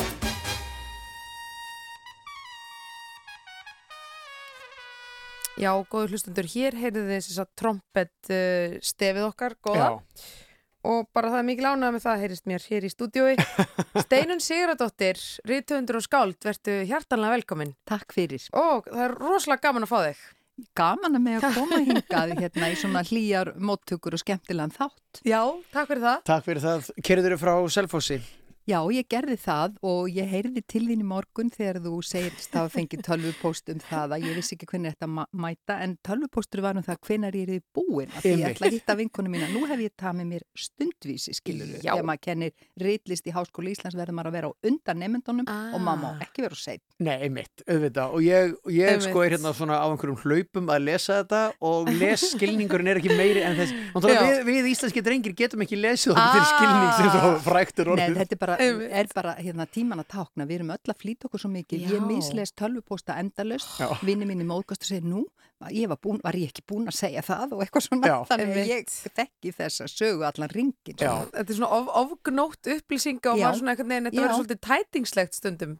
Já, og ég er orðin mjög höll undir það að grípa frekar síman heldur en að vera í þessu bortennis á ég hitta þarna, nei þarna, klukkan þetta, nei þetta Nákvæmlega. og heyra röddin í vinnum sínum. Ég held að snjálfsímanir, ég veit að hérna, þú varst að bera blakaði mér morgun, heyrðis mig já. gíslumartin, en ég er til dæmis að brína það fyrir nefndum mínum að reyna að minka óþarfa netnótkun. Og þið veist að þegar við, Þorstein Haugsson, tónskóldum mitt, erum komin inn á veitingastað og förum í snjálfsímana, við sem höfum alltaf um nóg að tala, þá er bara eitthvað mikið. En ég, ég veistu Steinin, ég er svo sammálar þegar maður tala við vinni sína í síma það er allt annað heldur en að skrifast á við á einhverju hérna forriti Já. þá svona heyrum maður tónfallið og, og þagnirnar og þú veist það er bara það er miklu meiri tenging einhvern veginn. Síðan er líka annað með tölvupóstin. Ef þetta er um einhver viðkvæm mál og maður kannski segja við vinsinn en ættir þú kannski frekar að gera þetta einhvern veginn svona eða þannig? Þá kemur þetta, lítur þetta út eins og bara úrslitakostir skilur að, að, að hérna þú veist að þá kemur þetta svo hart og flatt einhvern veginn að maður ekki að vera með viðkvæm mál í tölvupóstum og náttúrulega heldur ekki vegna þess að tölvupóstar er vist bara svona eins og að senda póstkort. Já, já. Já, þeir verða allir allir tímann. Já. En Steini, sko, nú ert þú náttúrulega sko rítufundur, skáld og ljóðskáld ekki síst og það er að að koma út ljóðabók út eftir því núna, Dimmumót, við ræðum Mhm. hana á eftir Mhm. eh, ég held hérna á henni því Já. að gaman að fá nýja ljóðabók eftir Steinunni í hendurna Já. en að því að sko þið sem að kunnið að yrkja ljóð eh, sem er þessi knappasti stíl bókmyndana mér finnst það eins og þið hljótið vera svo góð í með SMS-um og svona, þú veist að hérna, tenging. og svona eitthvað hérna, Ég geti alveg hérna haft skóla í því sko, það er nú ekki nóg með það að ég hafi verið að yrkja í halva öld eða eitthvað heldur, var, vann ég líka á fréttastofu útvarsins í tíu ár með hlýjum reyndar og undir stjórn Margreðar Endriðadóttur sem var íslensku sni- snillingur þannig að ég meina þá þartu að kjarn, þá, þá er, Ah. ertu á hverjum einasta degi að stytta mál þitt Einmitt. þannig ég er með alls konar skóla þar. bara kjarna, kjarna, kjarna Já. Já. hvernig fór það saman að vera, vera skáld og uh, fréttamaður hér á fréttstofunni Það var, sko ég var náttúrulega orðin, ég var náttúrulega byrjuð að yrkja þetta mjög löngu áður en ég fór að vinna hérna á fréttastofunni, sko. Um, hvað á ég að segja um þetta? Málið er það að ég hafði vita á því að hætta 1980. Eh, Þú getur ekki haldið þessu áfram til eiliðanóns. Ah. Kannski getur þú orð eitthvað eitt og eitt ljóð með fram krefjandi vinnu eins og Mm. þeirra vera fréttamaður. En ef þú ætlar að fara að skrifa skáldsögur og það er fleiri en einn og fleiri en tvær, þá er útiloka frá mínum bæjadirum að vera í fullri og krefjandi vinnu. Enda var það það sem Guðbjörgur Bergson sagði við mig þegar hann frétta að ég væri byrjuð að semja skáldsögur sem var tímaþjóðurinn og kom út sko 17 árum eftir að fyrsta ljóðabókið minn kom. Vá. Einmitt. Þetta Men, sígandi mennum finnst alltaf eins og, eins og sko svo bók hafa verið, Já. jafnvel fyrsta bókinni þín Nei, nei takk, 17 árum síðar. Já, já, en þegar að Guðbjörgur frétti þetta, ég sé byrjuð að skrifa skáldsögur, þá sagði hann, Ah. já, ef þú ert fann að skrifa skáldsögursteinu mín, þá getur þú slegið striki yfir líf þitt. Og það var nú eiginlega það sem ég gerði og ég sé svo sem ekkert eftir því. Það var En bara sko, annað líf. En eins og þú segir og við vorum um þetta að skoða þetta þú átt 50 ára rít afmæli á árnu Já. Þú, þú, þú, þú ert búin að skrifa og gefa út í hálfa öld sem er ekkert smávegis Hvernig byrjar þetta allt saman? Varstu bara alltaf haldandi á, á penna eða, eða hvar byrjar þetta? Já, einmitt. Sko, ég vil aðeins segja það að ég held að það undarlega, það sem er sérstaklega undarlegt við þetta 50 ára rítufundaramæli er náttúrulega það eða skáldamæli að skrifandi konur ná yfirleitt ekki þessum ferli, alls ekki Einmitt. konur af minni kynnslóð eða áður á Íslandi því að það er oft byrjuðu seint eða, eða, eða f- urðu snemma á leik, fjallu frá eða urðu veikar eða og líka að afkastin hjá mörgum af mínum skáldsýsturum af minni kynnslóð og það ráður þau urðu oft ekki mikil vegna, það kom ekki niður á gæðunum en það voru það mikil tókstreita með vinnu eða fjölskyldulíf að það náði ekki miklum afkastum. Þannig að ég held að ef ég væri kall væri þetta kannski ekkert svo sérstakt en ég held að þetta sé mm, bara mjög sérstakt allavega fyrir hvernmann. En svo ég haldi því til haga spurningunni þinni, þú veist, ég byrja bara að yrkja í þunglindi úlísárana. Það var bara eitthvað sturm og drang og maður var bara að drepast þunglindi og, og ég fekk hugmyndina um að ég geti kannski ort eitthvað svona, einhverja svona línur eins og órímaðar og eitthvað að því að mamma var að lesa Stein Steinar og Hannes Pétursson og ég var saklaust eh, skáld, ég, mm. það flökra ekki að mér að ég yrði bara skáld til eilíðar eða rítöfundur því að það var bara fyrir kalla, alla mína fyrirmyndir sem voru ekki fyrirmyndir, það voru kallar, það voru enga konur þegar ég var alast upp, ekki sem ég sá eða hefði tekið mark á, það var kannski Vá. ein og einu svo þá Ragnhauð Jónsdóttir og þá er ég Já. að meina sko þegar ég er svona innan við tíu ára aldur og svo koma mjög stutt á undan mér í rauninni Svafa og Vilborg þannig að Einmitt. þessi Já. saga skrifandi Vá. kvenna á Íslandi hún er náttúrulega bara tjúluð og Já. ætti að taka hana og Helga Kress hefur auðvitað meðal annara eða já. sérstaklega fjallað um þetta þessar ósýnilegu konur og, og líka um þöggunina alveg aftur í eddukvæðin völusbá, Einmitt. þetta er sko heitlandi rannsóknarefni Einmitt. Og þú ert líka, sko, ég meina, þú er 19 ára þegar fyrsta bókin kemur út og e, sem er, já, akkurat fyrir 50 árum Mhm. Og hérna, og síðan eignastu barn og þú ert að vinna hér meðfram þessu og svona, það er ekki eins og þú har haft einhverja silfurskeið eða sért, skiluru, hérna, það hafi bara verið leikur einn og þess vegna sé ekki hægt að taka dæmið af steinunni að því hún hafi nú haft eitthvað, nei, þú fóst alveg alla erfiðustu leiðina, af hverju heldur að hvaða, hvaða kjarni var það inn í þér sem að gera það verkum að þú hættir ekki eins og Mhm. svo margar skálsistur þínar og, og að þú hafðir kjark og þór til þess að láta gefa út þessa fyrstu bók 19 ára gömul uh, meina, hvað hva heldur þetta að hafa verið? Eh, Af því að þú sá, sást ekki endilega fyrir þér að verða eitthvað skáld uh, hérna í 50 ár getur eitthvað ímyndað þér eða þú horfið tilbaka á 19 ára gamla steinunni Sigurdóttur sem er bara hérna krakki Akkurju, akkurju, akkurju gerður þetta? Hvað, hvaða kraftur var þetta?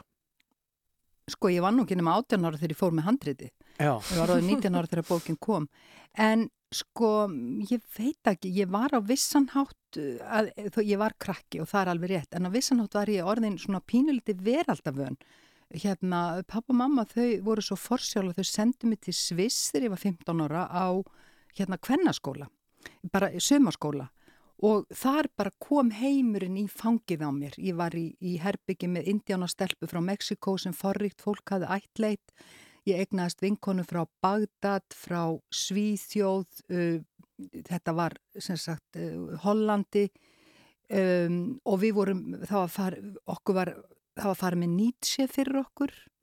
Við vorum, já. við vorum látna að lesa Jane Eyre, Mhm. uh, við fórum í hérna ferðalög upp á fjallatoppa með lestum og þetta sko þetta var sem sagt alg, og náttúrulega var þetta mjög sérstætt vor, ég var með þrjá flottustu alpatindana út um gluggan minn, Æger Mönch og Jungfrá. Og eh, sem sagt þessi lífsreynsla og bara til dæmis hlutur eins og það að taka jábrutalest þetta var fyrsta skipti sem ég kom til útlanda og ég þurfti að skipta um lest og ég gömul, þegar- ég var bara 15 ára Já. en ég var samt uh, búin með þrjá, þriðjabekki mentarskóla, ég var ára og undan sko, Mhm. eða hvort ég var orðin 16 ára, ég held ekki Mm. og þetta var einn hlutur og síðan var Já. annar hlutur að ég var búin að vera já, þú er ekki að segja frá þessu ég var, blað, ég var sko student 17 ára úr MR og ég gerðist svo bladamaður á alþjóðblaðinu 17 ára og það er náttúrulega E, já. Já, ok, hver var reitstjóri þá? E, Kristján Bessi, hann réði mig. Já, já, já. Og þannig að ég var að sumuleiti svolítið svona vön að tala við fólk og, og svona Já. svolítið veraldavön Já, svona heimskona einhvern Já, veginn. ég veit það ekki, en svona, sem sagt svona sambland af krakka og einhverju öðru og kannski hefði ég aldrei þórað að gera þetta ef ég hefði ekki einhvern veginn pínlítið liggum við að segja komist í tæri við heiminn Einmitt. og síðan hefði ég kannski aldrei þórað að kom, koma með þessa bók hérna eða handritið og það Mm. nema því ég var að fara til háskólanáms í Dublin, ég var, ég var að flýja skiljiði, ég meina ekki var ég að flýja bókin en Nei, nei. kannski hefði ég ekki þórað ef ég já. hefði verið hérna á þitt gödunum samfélag, já, já. En varðandi þetta halda alltaf áfram, þá er það það af þessu sko sem að, eina af þessu sem er raunverulega ákvörðun og það er það að halda þetta út. Og Mhm. af hverju ég gerði það veit ég ekki alveg en það þarf alltaf einhverja aðra til að komast að kjarnamálsins og Vilbór Dagbjörnsdóttir hún saði þetta einhvern tíman upp í opigeðið á mér. Hún saði þú hefur alltaf valið fyrir listina. Og ég held að það sé alveg rétt hjá henni. Og það er líka rétt hjá þér Gísli Martin að auðvitað var þetta ekki auðvelt. Ég var eina fyrirvinna heimilsins Já.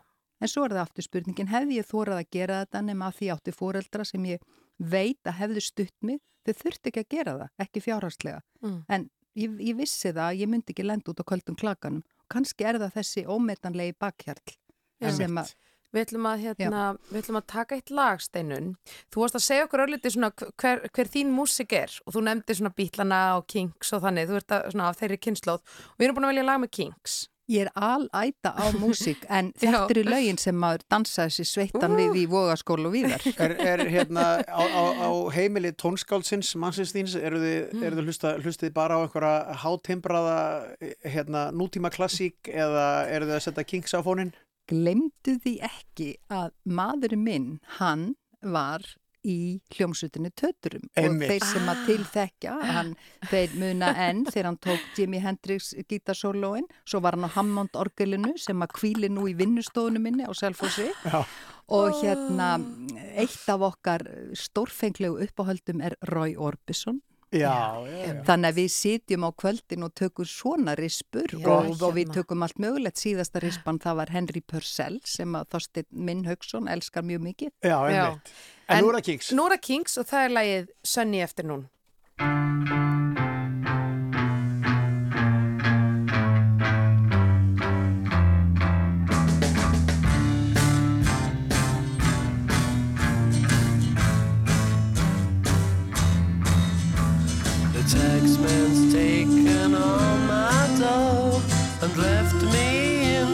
Stately home, blazing on a sunny afternoon. And I can't sail my yacht, he's taken everything I got. All I've got's this sunny afternoon. Save me, save me, save me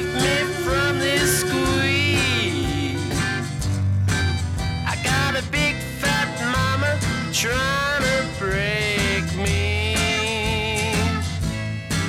And I love to live so pleasantly. Live this life of luxury. Blazing on a sunny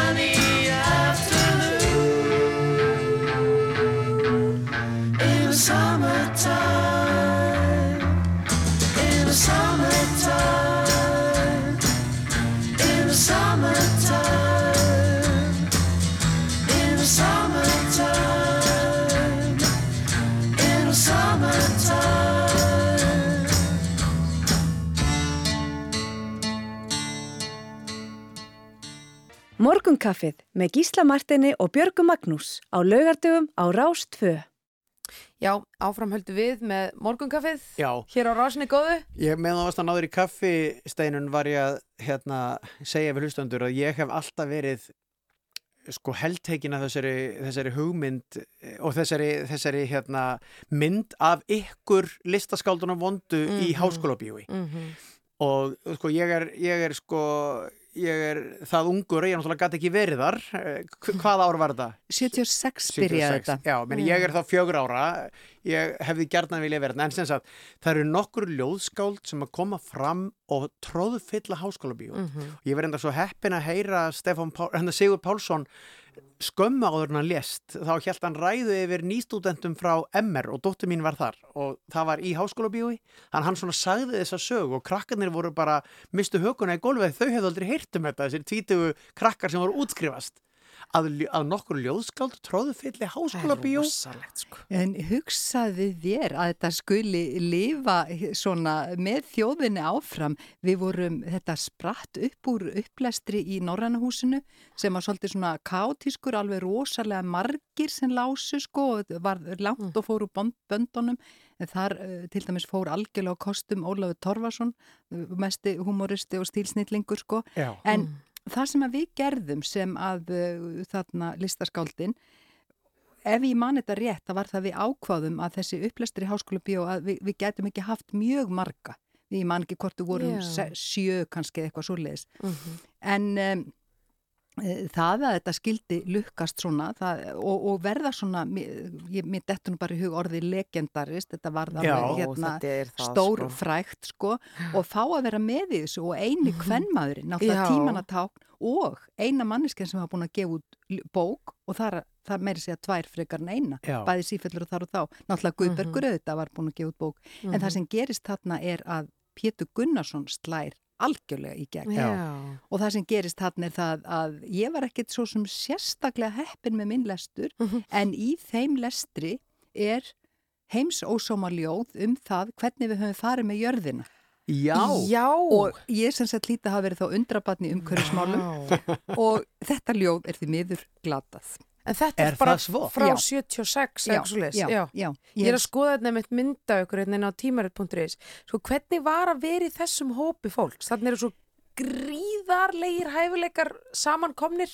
Lítur að hafa verið mjög svona, þetta hlýtur að vera góðu vinahópur. Já, sko, náttúrulega þetta eru skólafélaga mín, Þóran Eldjátt, Sigur Pálsson og svo framvegis um, og uh, það sem að hérna, ég er svo þakklátt fyrir er að ég, sko, auðvitað átti ég í stakasta brasi með það að vera tekin alvarlega og, og, jafn, og kritikerar, jafnvel, sko, vinni mínir og, og, og allt þetta töluðu niður á mig, finnst mér núna, mér fannst það ekki þá, það var bara eðlilegt eða, Já. eða eitthvað. Var það svona, já, sæ, sætti á þér steinur mín Sætt bókarna sem varst að gefa þetta, var, þetta var svolítið Já, svona, svona Og- smættað og meir, kannski. Já, og meiri segja besti dómurinn sem að komum okkur Þurriði Guðmundsdóttur saman Mm. var talað um að það þyrfti ekki að ágjur af íslenskri ljóðlist meðan svona geðþekk byrjandaverk kemur og ef að ég vil ekki vera eitthvað hvorki í ljóðin ég lausu máli þá er það geðþekk það er rillilegasta eh, nýð eh, sem ég get hugsað mér því að þe- þetta er um það að valda árekstrum í sálalífi lesandans Já. en ekki um Ah. það að vera geðþekkur Einmitt.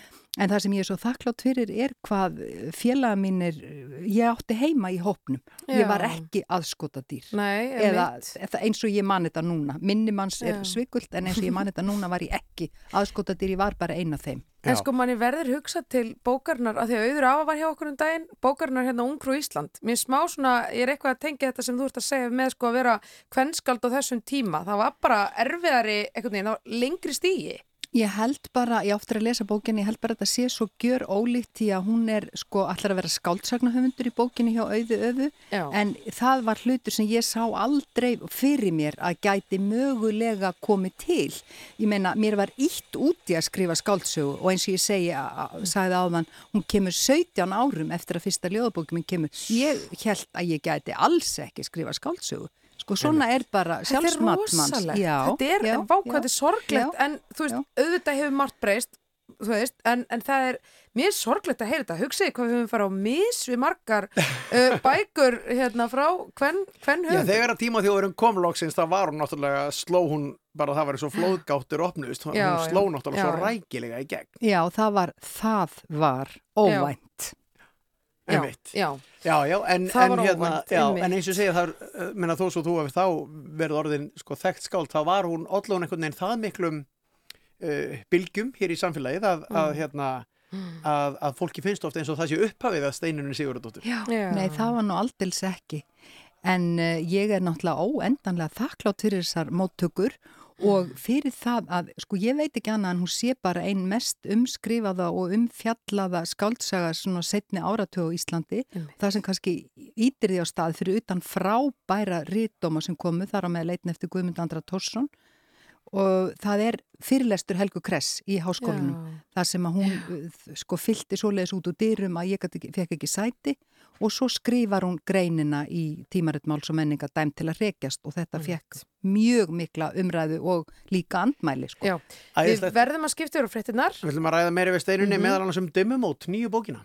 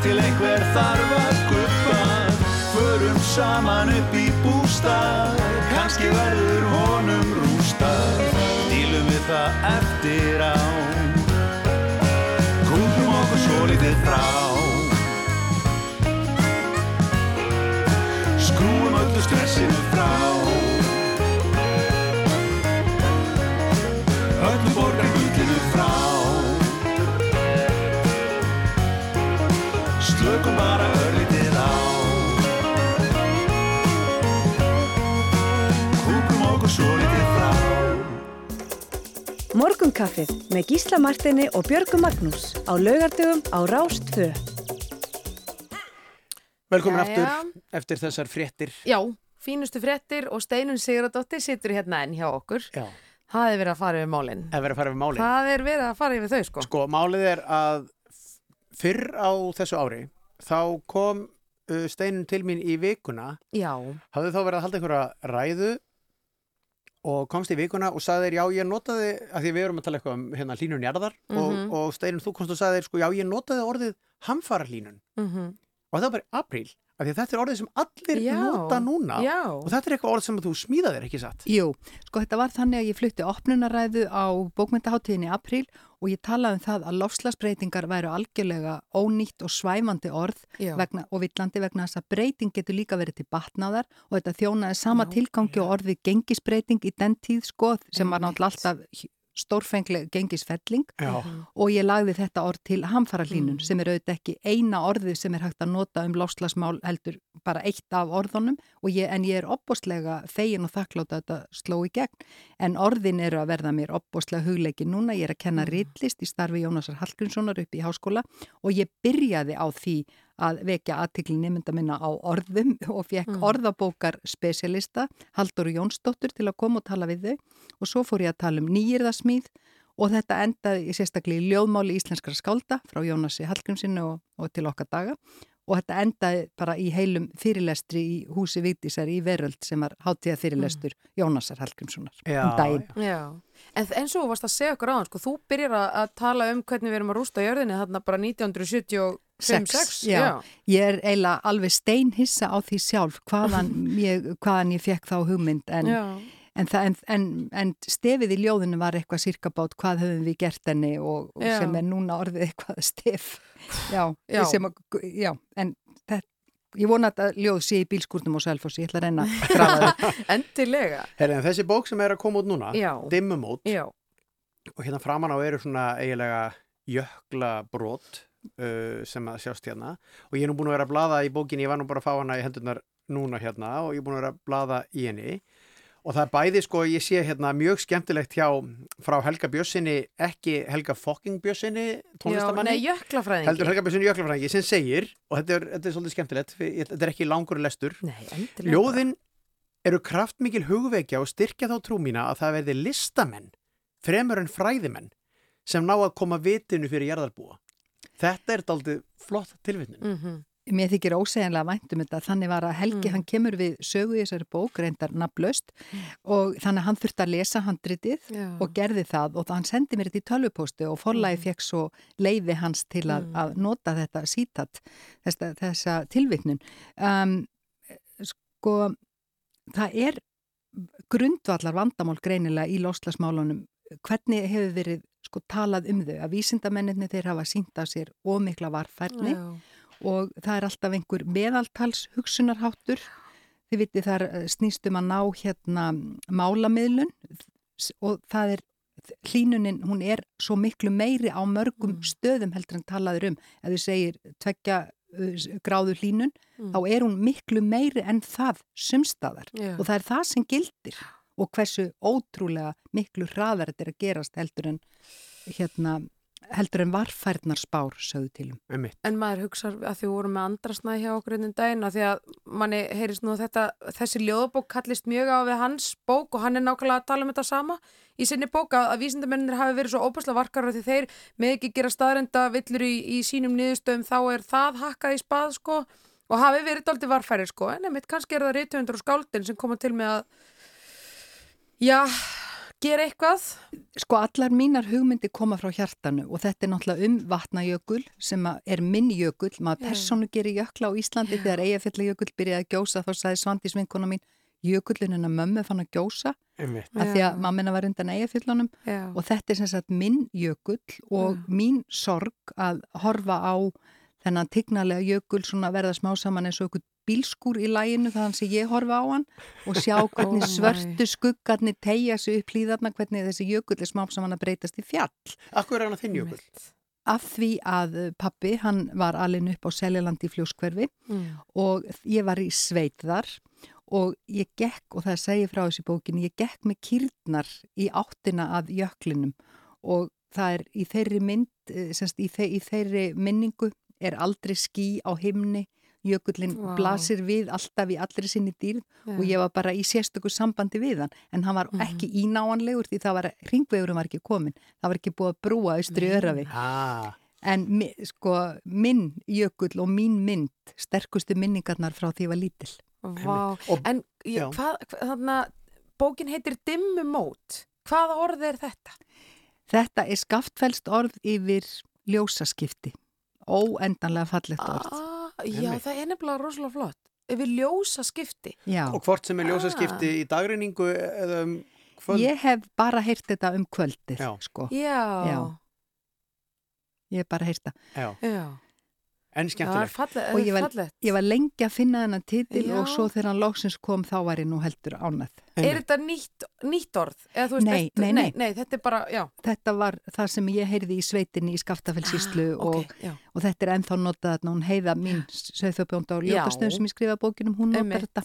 Mér fannst eins og, Nákvæmlega. mér fannst næstu því að því að þessi bóki síðan líka sjálfsæfisöguleg sem ég held að margir verði daldið ánaðir með. Eh, Það er, það er verið að lýsa þarna ungri, ungri stúlku í voðakverfinu sem Mm. er eitthvað að skottast þarna og horfa út á, út á sundin og eigarnar sem maður, maður ímynda sér að sé sjálfsæfisögulegt. Ég meina þú hefur ekki Mm. endilega verið að blanda sjálfrið þér svo mikið inn í þínar bækur. Ég held, ef ég, ef ég man þetta rétt, að ég hafi stránglega haldið sjálfri mér utan við öll, allt sem ég hef skrifað, sko, þanga til núna. Nú fannst mér eins og einhvern veginn tími verið tilkomin á þessum ótrúlegu breytingatímum þegar að landið okkar er að breyta um ásýnd. Þessi jökla sem eru svo stór hlut af okkar ímynd og vitund og mér fannst eins og tíminn væri komin á flakk, ég segi frá Mm. því líka í ljóði, þá Mhm. fannst mér eins og nú má ég einhvern veginn Vá. tala um sjálfa mig, Nú, núna passar það. Svona stíga inn í eitthvað. Já, og var í ofsalöfum vafa um þetta, svo þegar fyrstu yfirlesararnir komist í þetta, þá voru Já. þið svo ánæði með, með þetta, þannig að þá held ég það, það Já. áfram.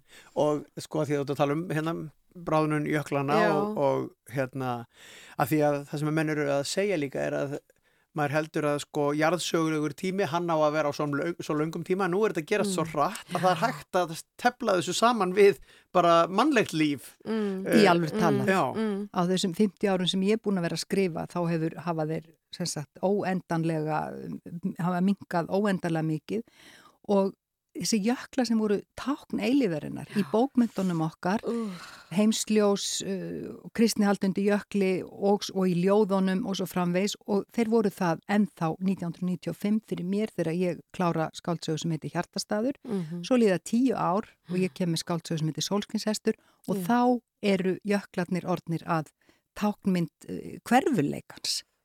Hún Helga Kress kom inn á þetta í erindi sem hún flutti á samkomi mér til heiðus þegar ég varð, varð hérna ofinberlega 50 ára rítumundur um daginn og þetta er alveg rétt hjá henni. einmitt Þetta er, já, þetta er svo sorglegt sko. Já, en í þessum þar sem þú ert að tala um ég held í skólaballi, vogaskóla og hællin dettur undan skónum og, og hérna og, og þá eru bílandir á fullu ef ekki að, ef að henda einum ef, henda bílum það á ekki? fóninn Það er bara, ég myndi segja að það væri full ástæða til. Ég var sko búin að velja hérna Norwegian Wood. Já, Uh, ég held að sé bara allt í góð að spila það.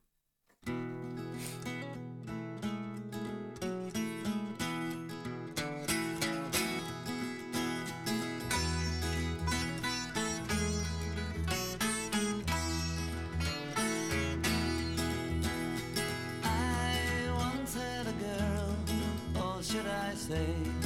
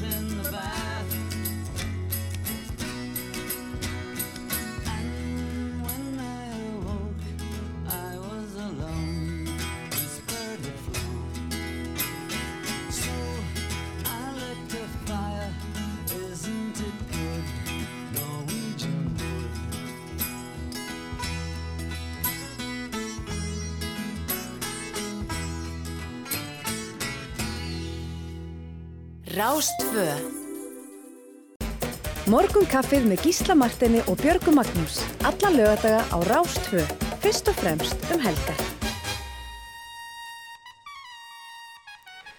Já, november er komin og Já. við erum búin að nefna það daldið og eitt af því sem að steyttur okkur stundir í myrkasta skamdeginu er náttúrulega þessi fjöldi bóka sem er að koma út Já. og, og e, maður getur nú hugsað sér gott til glóðarinnar að lesa e, demumót eftir steinunni Já. en hvernig er það steinun í þessum, að því nú er aldrei margar góðar ljóðabækur að koma út uh, ég veit ekki hvort það eru fleiri en venjulega en við Björg vorum að tala um það að það eru margar gyrnilegar ljóðabækur Já. margar eftir konur Já. uh, hérna er ekki þegar þú ert að þvælast um og lesa mann finnst næstu eins og þú er að vera svona á okkur um rauðum dregli mann, finnst eins og þú er ekki að þurfa að vera í harkinu og Já. bastlinu og sér bara komin á þann stað Veistu það að þetta er sko ekki hark og bastl. Ég var upp á Akranesi núna á Rekkjavöku deginu. Já. Sigurbjörg Þrastadóttir, hún stýrir þar ljóskáld, hún stýrir þar uh, uh, á hverju ári uh, í kringum, jólabók, kringum jólabækunar upplæstrum. Býr hún upp á Skaga? Nei, aftur? en hún Nei. er þaðan, Já, já. býr í Reykjavík og þetta, sko, hún auðvitað gerir þetta og bókasafnið, sko, svo, svo uppgötta maður. Það eru 100.000 eintöka bókum í bókasafninu á Akranesi og þeir eru með ro roknalega kæli geimslu fyrir sk- skjöl og bækur sem ég fekk að skoða þarna. Og Sigurbjörg, hún er sko flottast og besti upphittari sem ég hef nokkuð stað komist í tæri við. Hún gerði grein fyrir okkur hverju og einu, Vá. svo glæsilega og flott að ég hef ekki séð það gert betur og svo, svo kemur hálft akranis, það var alveg áðbóðslega Vá. vel mætt. Og eftir þá fáum við að fara í kaff og köku heim til hérna, sigur, foreldra Sigurbjörgar þannig að sko þetta, þe ef að þetta er hark þá veit ég ekki hvað. Svo, svo, svo, svo fekk ég að lesa á kirkjubæðaklaustri þar sem ég kalla nú hérna minn heimavöll í einhverju fínasta og fallegasta bókasafni á Íslandi og uh, svo fæ ég að fara á höfn í hotnafyrði og ég fæ að lesa upp í listasafni ánæsinga og þetta snýst um það eins og Toni Morrison sagði eitthvað tíman, ég hef tamið mér það að segja ekki this is what I have to do, heldur this is what I get to do. Þetta eru hluti sem ég fæ að gera. Emmitt, Vá. en skemmtilegt Já. Vel orðað. Einmitt, en hérna og, og myndu, er þetta þitt líf núna fram, að, fram til 23. desember að, að flengjast um landið og, og að því að þetta er nú, þetta er örgulega, eða ég eh, sko af því að hafa bara lesið eh, hérna nokkra blaðsýður þessari bók og ekki almennilega heldur, heldur Á hraðlesið. hlaupum eins og tölvupóstinn. eins og tölvupóstinn, Já, já. sést nú hvað maður hver, hversu góður sá leskilningur er en ég meina þetta er öruglega bók sem verður tekið höndum tveim, bæði að því að hún er að tala um samtíma mál sem Já. skipta máli og svona þessa, þessa sjálfsæfilegu sögu þráður Mhm. Æfissögulegu þráður Æfisöguleg. Já, ég náttúrulega vona það, maður hefur alltaf hérna áhyggjur á bókunum sínum eins og hérna bara afkvæmum að hvernig, hvernig tekur heimurinn á mótið þeim, Mhm. en ég allavega geti minnstakosti sagt að bókin er prentgripur, hún er alveg Já. opbáslega falleg og ég heyri enn sem komið er ekkert nema hérna gott um hana svo að ég hérna er bara, við skulum bara segja von glöð. Já, vonglöð, en ég er að skoða þú er náttúrulega gefið út heil mikið það eru, það eru venjulega mjög fallegar forsýður hjá þér þetta eru mjög svona fallegar bækur hefur þú skoðun á hvernig þær munu síðan á endan líta út Um, sko, ég fæ alltaf að sjá kápurnar en ég get ekki haft þau áhrif að ég geti hérna, uh, þú veist, að ég geti sko búið til hérna forsíðuna frá upphafi. Já. En ég myndi nú eiginlega vilja koma sjálfur mér hérna að og segja ég held ég sé svolítið góð í tillum. Já, Já, einmitt. Já, Eða ég vona það, það er allavega. bara algjörlega Á hvaða, sko, þú varst að segja þú varst lengi að finna þennan titil Dimmumót, já, ég var lengi að finna hann. Hefur einhvern tímann byrjað bók á titli? Sko, þetta er svolítið góð spurning vegna þess að ég á svona 300 titla af bókum sem ég mun því miður ekki ná að skrifa. ekki í þessu lífi. Nei, ekki í þessu lífi Þó ég sé Nei. enn á fullu, þá mun það ekki gangu. Ertu komið með næsta hérna, verkefni á, á stregan? Næsta og næsta og þar næsta. Nei. En jú, jú, Nem, nema það að, að því við erum að spyrja um vikuna núna, það, þessi- þetta fer náttúrulega rosalega mikið í rýtlistakennsluna Já. og ég bý nú að stórum hluta erlendis þannig að ég get nú ekki Mhm. verið hérna alveg framundu jól. Einmitt. Ég get til dæmis ekki fylst með því þegar heimildamyndin eh, mín um mig verður sínt á RÚF 22. desember, hún er komin inn á hérna Já, inn, inn á dagskrá. já. Ég, ég get náttúrulega horta á hana að utan en Já. ég verð ekki á landinu þegar hún verður Nei, frumsýnd. er það þá Berlín sem að þú ferð? Nei, nú fer ég til Strasborgar. Við, við, við leikum þann leik við þástirna, við flytjum milli borga og landa og nú eigum við heim í Strasborg. Ég var búin að koma og kenna við háskólan og við ákvæmum bara að flytja þanga fyrir fáinum árum. Já, en Og ég elska lífið þitt. Já, ég gerir þannig bara sumleiti líka, skal ég segja þér. Það er, það er Selfoss og, Selfoss og Strasbourg. Ekki slæm. Ekki Ekki slæmt. Frakland, Ísland. Já, Já. en við hérna fyrir nú að- að ljúka þessu steinun mikið var gaman að fá þig. Takk Ótrúlega gaman fyrir að ég hérna mátti spjalla. koma í, í spjallið og Já. láta gammin geisa. Þú ert bara í sérstöku uppáhaldi hjá þessum þáttastjörnundum. Já. Þannig að hérna, við erum spennt að lesa bókina hérna. Mikið er ég heppin. Ég ætla að koma með eintak til ykkar hérna á eftir en þið fá ekki nema eitt saman. Við, við, við getum deilum í- því, Við búum og í sama postnúmeri þó að við búum Já. ekki í sama húsi. Við, bú, við sofum ekki í sama rúmi eins og framkom hér á hann. Já, það er eins gott að hafa hlutinu bara skýra. Það er best að tala beint um þetta bara. Heiðaleikin virkar best, það er nú oftast þannig En takk fyrir komuna og hérna við sendum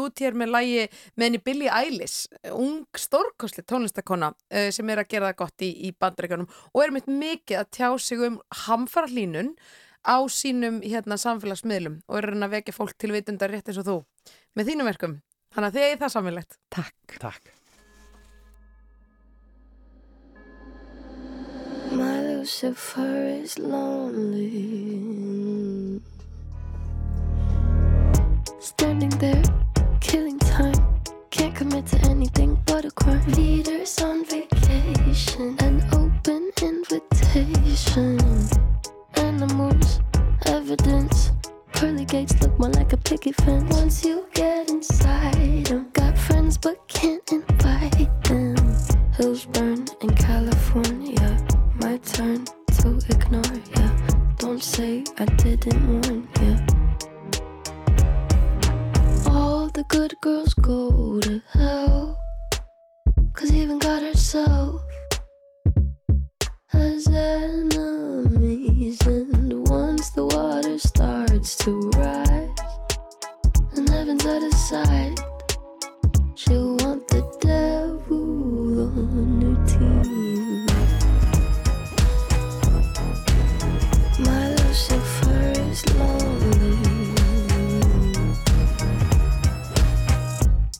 at you, needing me. You know I'm not your friend without some greenery. Walking wearing feathers. Peter should know better. Your cover up is caving in. Man is such a fool, why are we saving him? Poisoning themselves now, begging for our help. Wow. Hills burn in California. My turn to ignore ya. Don't say I didn't warn ya. The good girls go to hell. Cause even God herself has enemies. And once the water starts to rise, and heaven's out of sight,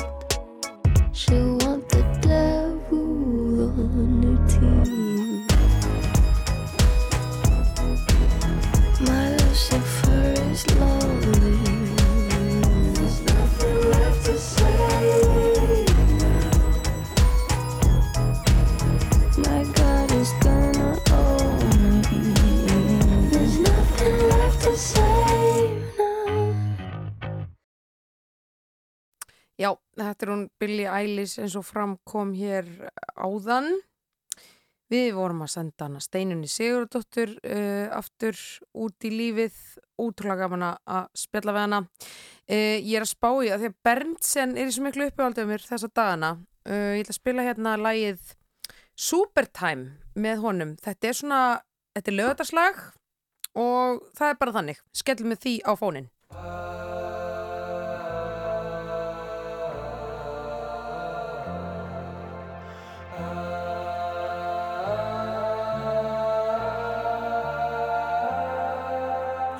The path in the sky.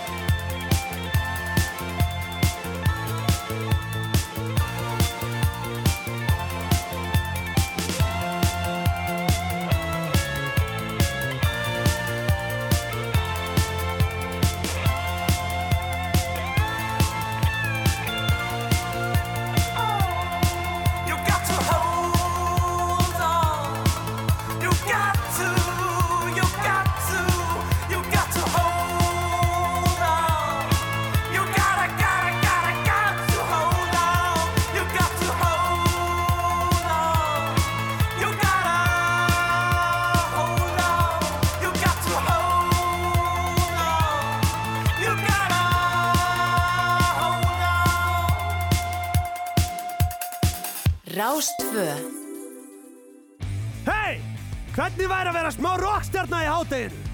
Hard Rock Café. Morgunkaffið með Gísla Martini og Björgu Magnús. Alla lögadaga á Rástvö. Fyrst og fremst um helgar. Já, gott fólk, þetta, þetta er staðan, við erum hér í efstaleiti að, að, að stýra þessum þætti. Fyrst og fremst um helgar, sko hvað ætlað þú að gera um helgina? Ég ætla á jommuna á eftir, oh, með góðu fólki. Jú, ef að hlustandur eru ekki átt að segja ekki á því mannalega þegar ég heyrði fyrst einhvern segja Já. jommuna, mér fannst það vera svo mér, mér fannst það vera svo vant ef, ef það er orð. mér, já, mér fannst þá sem að sagði þetta vera svo vanur. Já, í merkingunni vanur. svalur. Já, Þetta þetta er svo- svona, ég er stórkunni, Já. ég er stórkunni. Jomman er sem sagt jómfrúin? Sem eru þetta hérna uh, sko frábær smurbröðsstaður Mhm. og, og þú ætlar að fara á það í eitthvað gott Ég smurbröð ætla að fara í, bara með góðu fólki að eh, njóta lífsins mögulega eitt stykki ágaviti, klárlega smörrebröð. Jú, er, er, ferði júbilegums júbilegums ágavíti Já, eða þú veist, Já, ég veit ekki þeir eru nefnilega líka með sko, þetta ágavíti sem eru þetta, veist, okkar brennivín Mm. er þessi, já, þessi típa af víni Já, já. þó að hvorki flaskan nýja endilega bragðið er alveg jafn gott og ágavítið en þetta er þessi norræni siður að búa til svona snapsa Já, einmitt. Og hérna og, og ágavíti sem sagt Álaborgar ágavíti býr til alltaf svona árganga Já, þú veist já. þannig að þú getur keift í einhverju fallegri, fallega hannaðri flösku Bara 95, já, já. einmitt. árgangurinn og þá er Já. kannski sérstaklega mikið kúmen eða sérstaklega mikið eitthvað, timjan eða eitthvað Já, en mér finnst svo frábær hugmynd að uh, byrja snemma og hætta snemma. Þú ert að, þú ert að fara sem sagt á jommuna bara núna eftir Já, svona, ég myndi segja svona síðdeis, ég þarf aðeins að mæla með mótu þetta fólk sem að uh, lofaði hitta mig þar. Uh, þurfum aðeins að, að stilla saman strengi en, en fínt að fara svona í síðdegið og, og eins og við vorum að tala um þá var mikil stemning í miðborginni í gær og mjög svona einhvern veginn hugur í fólki þrátt fyrir að skamdegi sín út aldrei brostið á sko. ég fór í gær á annan stað sem er hérna, sem er uh, líka nýr Já. Ekki, já, Jónfrún er náttúrulega ekki ný en Nei. er, er nýr nýri miðbæ og heitir uh, Tíu sopar eða Vínstúkan Jónum Óla kokki. Já, við vala vorum að leiðin í leikúsið Mhm. og fóruð þangað og það var algjörlega frábært Já, ég er mitt, hana til hans, ha, þetta er bara geggjað. Já, og það var svo skrítið, það voru engir ferðamenn og bara Nei, það, ef að hlustendur er ykkur að vafa, þetta er ekki kostuð umfjöldun, við Nei, erum bara, nei, við erum bara að við ræða um við plön hérna. helgarinnar en, en Við hérna, borgum fyrir allt sjálf, nema þú leikus með hana, þú fegst það ókipis. En þú sagði líka bara frá því. Já, akkurat En þú ætlaðir að borga fyrir þá. Já, ég, ég mér langaði bara á þessu sýningu kannski verði rukkaður fyrir þá setna, ég veit það ekki Það verður síðasta verk Ara Matta Já. Senda þér Herðu, reikning. en, en hérna uh, en uh, þessi, þessi staður Mhm. þetta er það sem að gamla, gamla hérna tíu drópar voru, Já, svona, já. svona kaffihús Kjallari Þetta er kjallari, það var engir, fer, voru engir ferðamenn Nei. það voru bara Íslendingar Engar parkálkur og það var, ég hugsa í alvöru að, að ég hef verið einna yngsti eða val af konu mín sem Já. er nokkur mánuð mingri en ég Já. við vorum einna yngst Já. þannig að þetta var svona fullorðnir Íslendingar að drekka Neða, já, og fá sér hann að þetta eru rosalega góði réttir já. og hérna, þú veist náttúrulega kokkurinn sem er þarna er Já. kokkur af dillinu Já, já, og þetta bara, já, ég ætla bara ég get alveg mælt, Mælt með, með, þessu já. bara 100p Heyrðu, þráðbeint í á dansgólfið. Og uh, þetta er hljómsdinn Kef Lavík þetta eru, þetta eru mikil skáld í, þessum, í þessari uh, skemmtilegu hljómsveit og hér er lægið inn í miðjunni að dansa.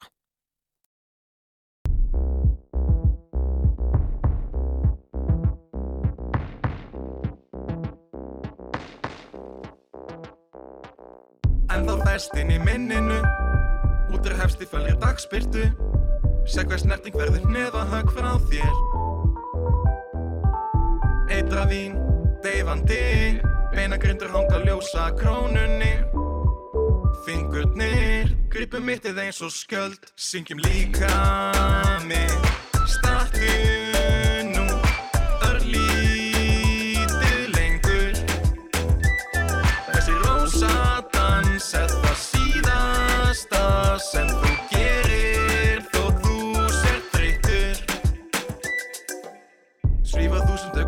blikana eins og geislabaugar á hana ef þau renna milli handana okkar.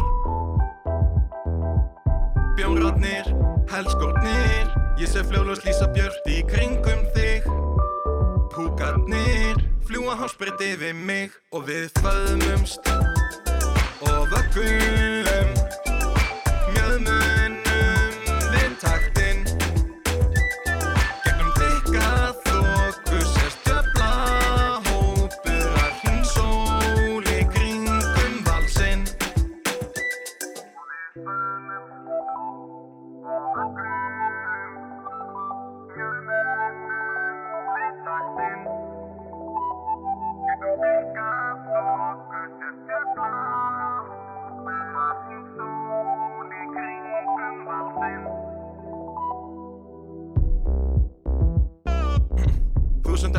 skjávarpa sem að lýsa upp alla veggina. Endur taka fyrstu nóttina okkar. Sálin mín, lotningin er að sjá að legi nætu sólinni. Sér hún mig, kannski réttum hlutföllum syngjum fætur. Nú fetið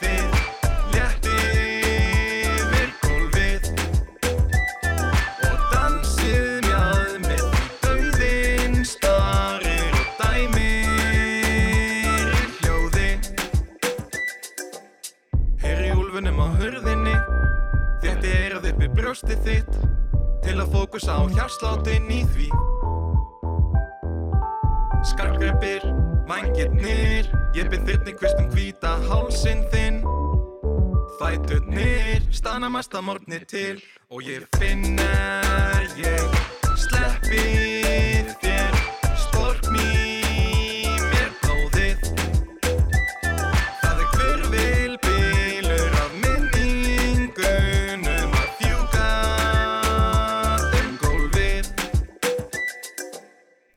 Þetta er hljómsveitin Kef Lavík Við erum sko, við erum uh, mjög uh, stödd á Suðausturlandi í þessum þætti. Já. Við erum að ræða hérna um vatnajökul og, og það er jökuldin hennar Steinunar, hún er að Mhm. segja frá því þegar hún var í sveit þarna Mhm, mhm. uh, og þessir strákar eru frá höfni hodnafyrði Mhm.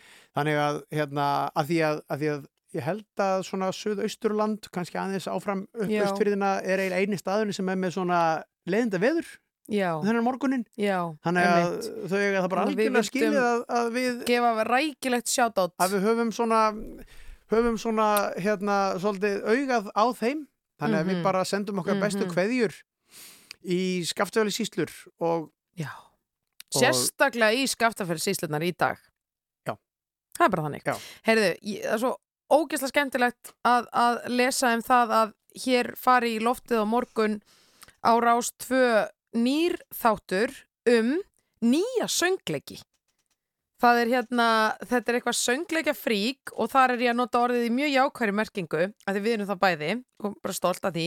Karl Pálsson, dagsrákjörmaður og yfirlýst söngleikja nörd, hann er að fara að stýra hér þáttum um sagt nýrri söngleiki. Er, er orðið nörd þarna notað í kvoruginni? Já. Yfirlýst, Yfirlýst myndi- nördið. Nördið. Segir að nú þegar sé búið að gera söngleikjum nokkuð veginn allt í heiminum, pólitík, náttúruhamfærir og bara allt það sem er efst á baui umræðinu hverju sinni og hann ætlar að, að krifja þetta og matreiða fyrir hlustendur. Mhm. Þetta er á morgun klukkan 18.10 Vákvað ég er spennt. Hann er, hérna, ég heyri viðtöluðan í Já. síðdeis útverfinu Jú, jú. Og uh, þetta er sem sagt bara nýjir söngleikir þannig að með Já. til dæmis söngleikurinn uh, Mormónabókin sem við höfum verið að ræða hér Já. kemst ekki inn af því að hann er of gamall Nei, nákvæmlega, en vá, það er eiginlega svona, óh, ég dyrka það. Já, en þannig að þetta verður mjög fróðlegt af því að Já. ég veit ekkert um neitt söngleik til dæmis bara sem að hefur komið út síðasta árið Nei. en það sem hann er að segja er að söngleikir eru að koma út alveg í sífellu og bara um einhver dægurmál það er eitthvað mjög fyndið við það og það er kannski þarf stærri markað en við erum með hér Mm. en ég meina, heldur ekki hefði ekki verið flott að það hefði verið söngleikur hérna um ég veit ekki, Panamaskjölin eða, eða klaustursmálið eða Vá, eitthvað, eitthvað af þessum dægurmálum sem að koma upp í pólitík Auðvitað. En svo er annað sem gerist á morgun og það tengist sjónvarsdagskrani hér á Róf. Það er fyrsti þáttur af, af hérna, þættinu fyrir alla muni. Ég myndist nú aðeins á hann hérna áðan. En þar eru uh, Viktoria Hermannsdóttir og Sigurður Pálmason, uh, sonur Pálma Gunnarssonar. Gunnarssonar. ég alveg og ekki bara, sko- ekki bara, hann er ekki eingetinn sonur Nei, hérna, Pálma, nei, nei. sonur Þuríðar Sigurðardóttur og ástsælu söngkonu. Fyrst og fremst sonur þurriðar uh, En þau eru Ég var svo heppin að sjá fyrsta þáttin Hann var svona frumsyndur fyrir starfsmenn Rúf í vikunni. Þau eru ógeðslega skemmtilegt. Þau eru líka Þú veist, nú ætlum ég að nota orðið nörd aftur í mjög jákværi Já. merkingu. Þau eru dásanlega nördar og, og þarna grúskarar og, og hérna eru þarna nördast í kringum eitthvað glas sem var búið til í, í tilefni af, af komu Friðrik Stanakonungs til Íslands árið 1907 Já. og þetta er bara svona, þau eru bara í alvörni sjúki í þetta glas og eru að leita upprönnum fara að skoða myndir af konungsheimsókninni. Þetta var rosaleg konungsheimsók gísli, Já. var eitthvað 14% af vergri landsframleyslu bara, bara sett beint í það verkefni, Já, já. það er og styrlað það voru ekki eins og svo miklu peningar Nei, það var, verð já, það var ekki með mikil á Íslandi Þetta var bara eitthvað svona, þau voru vikulöngum tjald, búðum okkur ferðum Ísland 200 manns. Það er styrla. Það er ógeðslega skemmtilega þáttu fyrir hann, muni hann er einhver hérna er hann ekki sannvörður í Sæðlabankanum Jú, Pálma- rétt, já. hann var keiftur uh, inn í Sæðlabankan úr safnarbúðinni uh, sem hann rek, rak, Já. uh, rak sjálfur skemmtilegt uh, Já, ógeðslega gaman, hann er mikið skemmtilegt í, í dagskráni ég um hlakka til að sjá þess að já, einmitt Já, en ég var sko með þemalag út af því við vorum að tala um söngleikja þáttinn sem fyrir loftið hérna á Rás 1, Rás 2, hvað er að gerast hérna? Ég veit ekkert hvað er að segja. Sem fyrir loftið á Rás 2 á morgun og þess vegna ætlum við að spila söngleikjalag og ég ákvað að fara bara í, þú veist, bara frekar örugt. Að því að líka Emiliana Torini lokaði þættinum hérna sömna þættinum í gerkvöldi og svo ógislega gaman að sjá hana í sjónarpinu hún ætti nú að vera miklu meira í íslensku sjónarpi en hér kemur lagið Frank Mills sem er að sjálfsögðu úr hárunu Hér.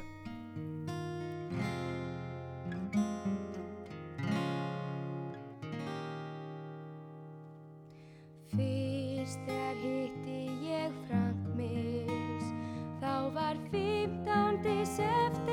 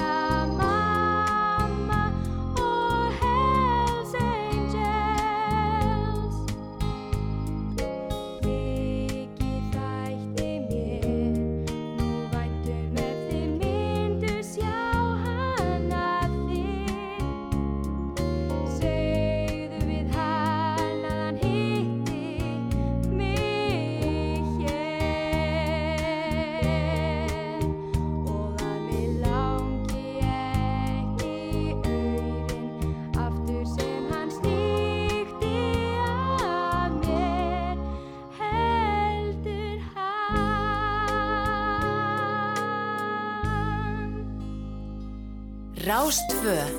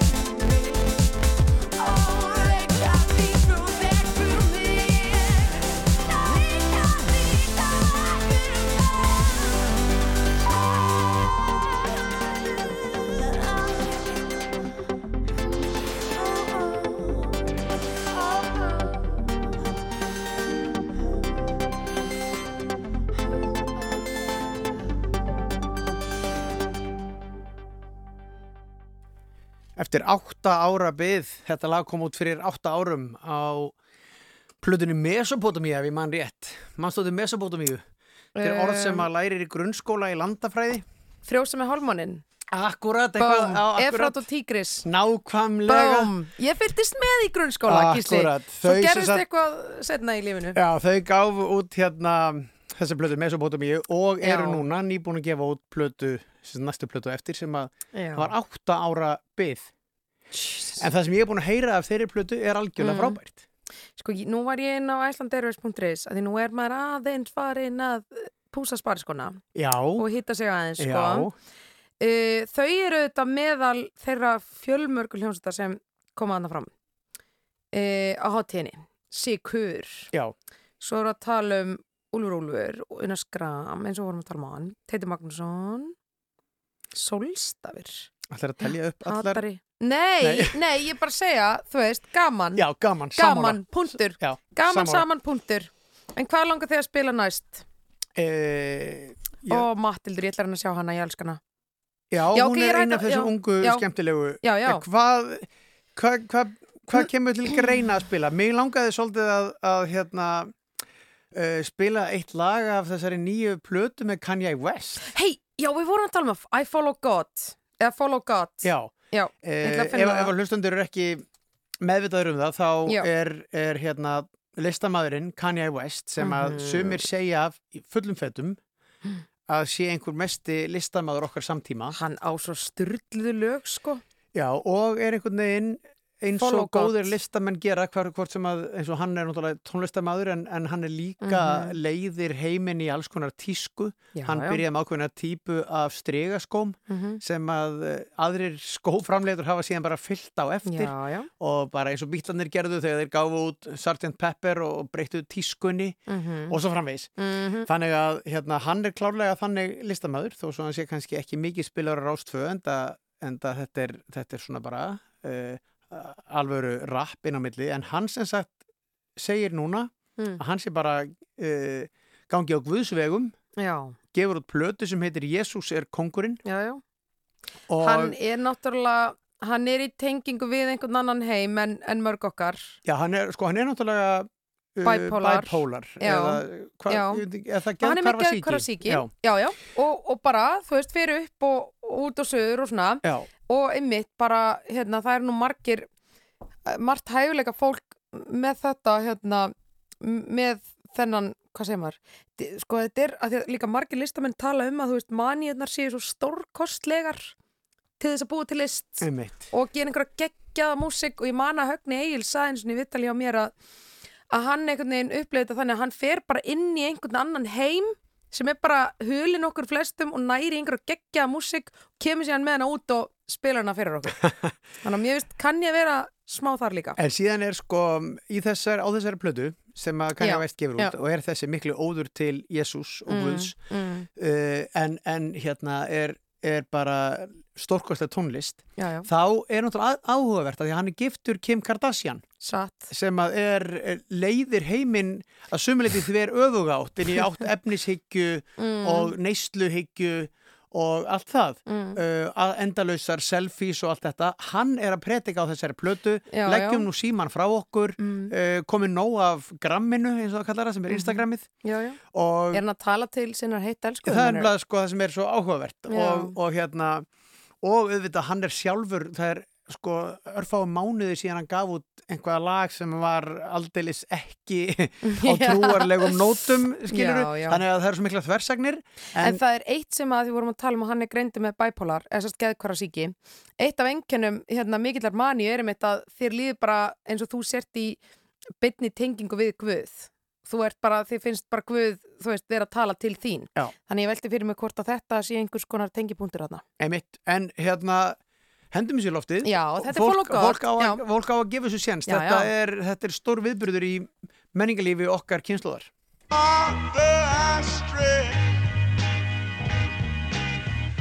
Stretch my you. Life like, this is what your life like. Try to live the life right. People really know you push your buttons like type right. This is like a movie, but it's really very lifelike. Every single night, right? Every single fight, right? I was looking at the gram and I don't even like lights. I was screaming at my daddy, told me it ain't Christ like. I was screaming at the referee, just like Mike. Looking for a bright light. Seagull, what your life like? Riding on a white bike, feeling like a sight bike. Pressing on the gas, supernova for a night light. Dreaming at my dad, and he told me it ain't Christ like. But nobody never tell you when you're being like Christ. Only ever seeing me, only when they need me. Like if Tyler Perry made a movie for BT, searching for a deity. Now you wanna see it free, now you wanna see it free. Let you see it three apiece. Tell me what your life like. Turn it down a bright light. Driving with my dad, and he told me it ain't Christ like. I'm just trying to find, I've been looking for a new way. I'm just really trying not to really do the fool way. I don't have a cool way.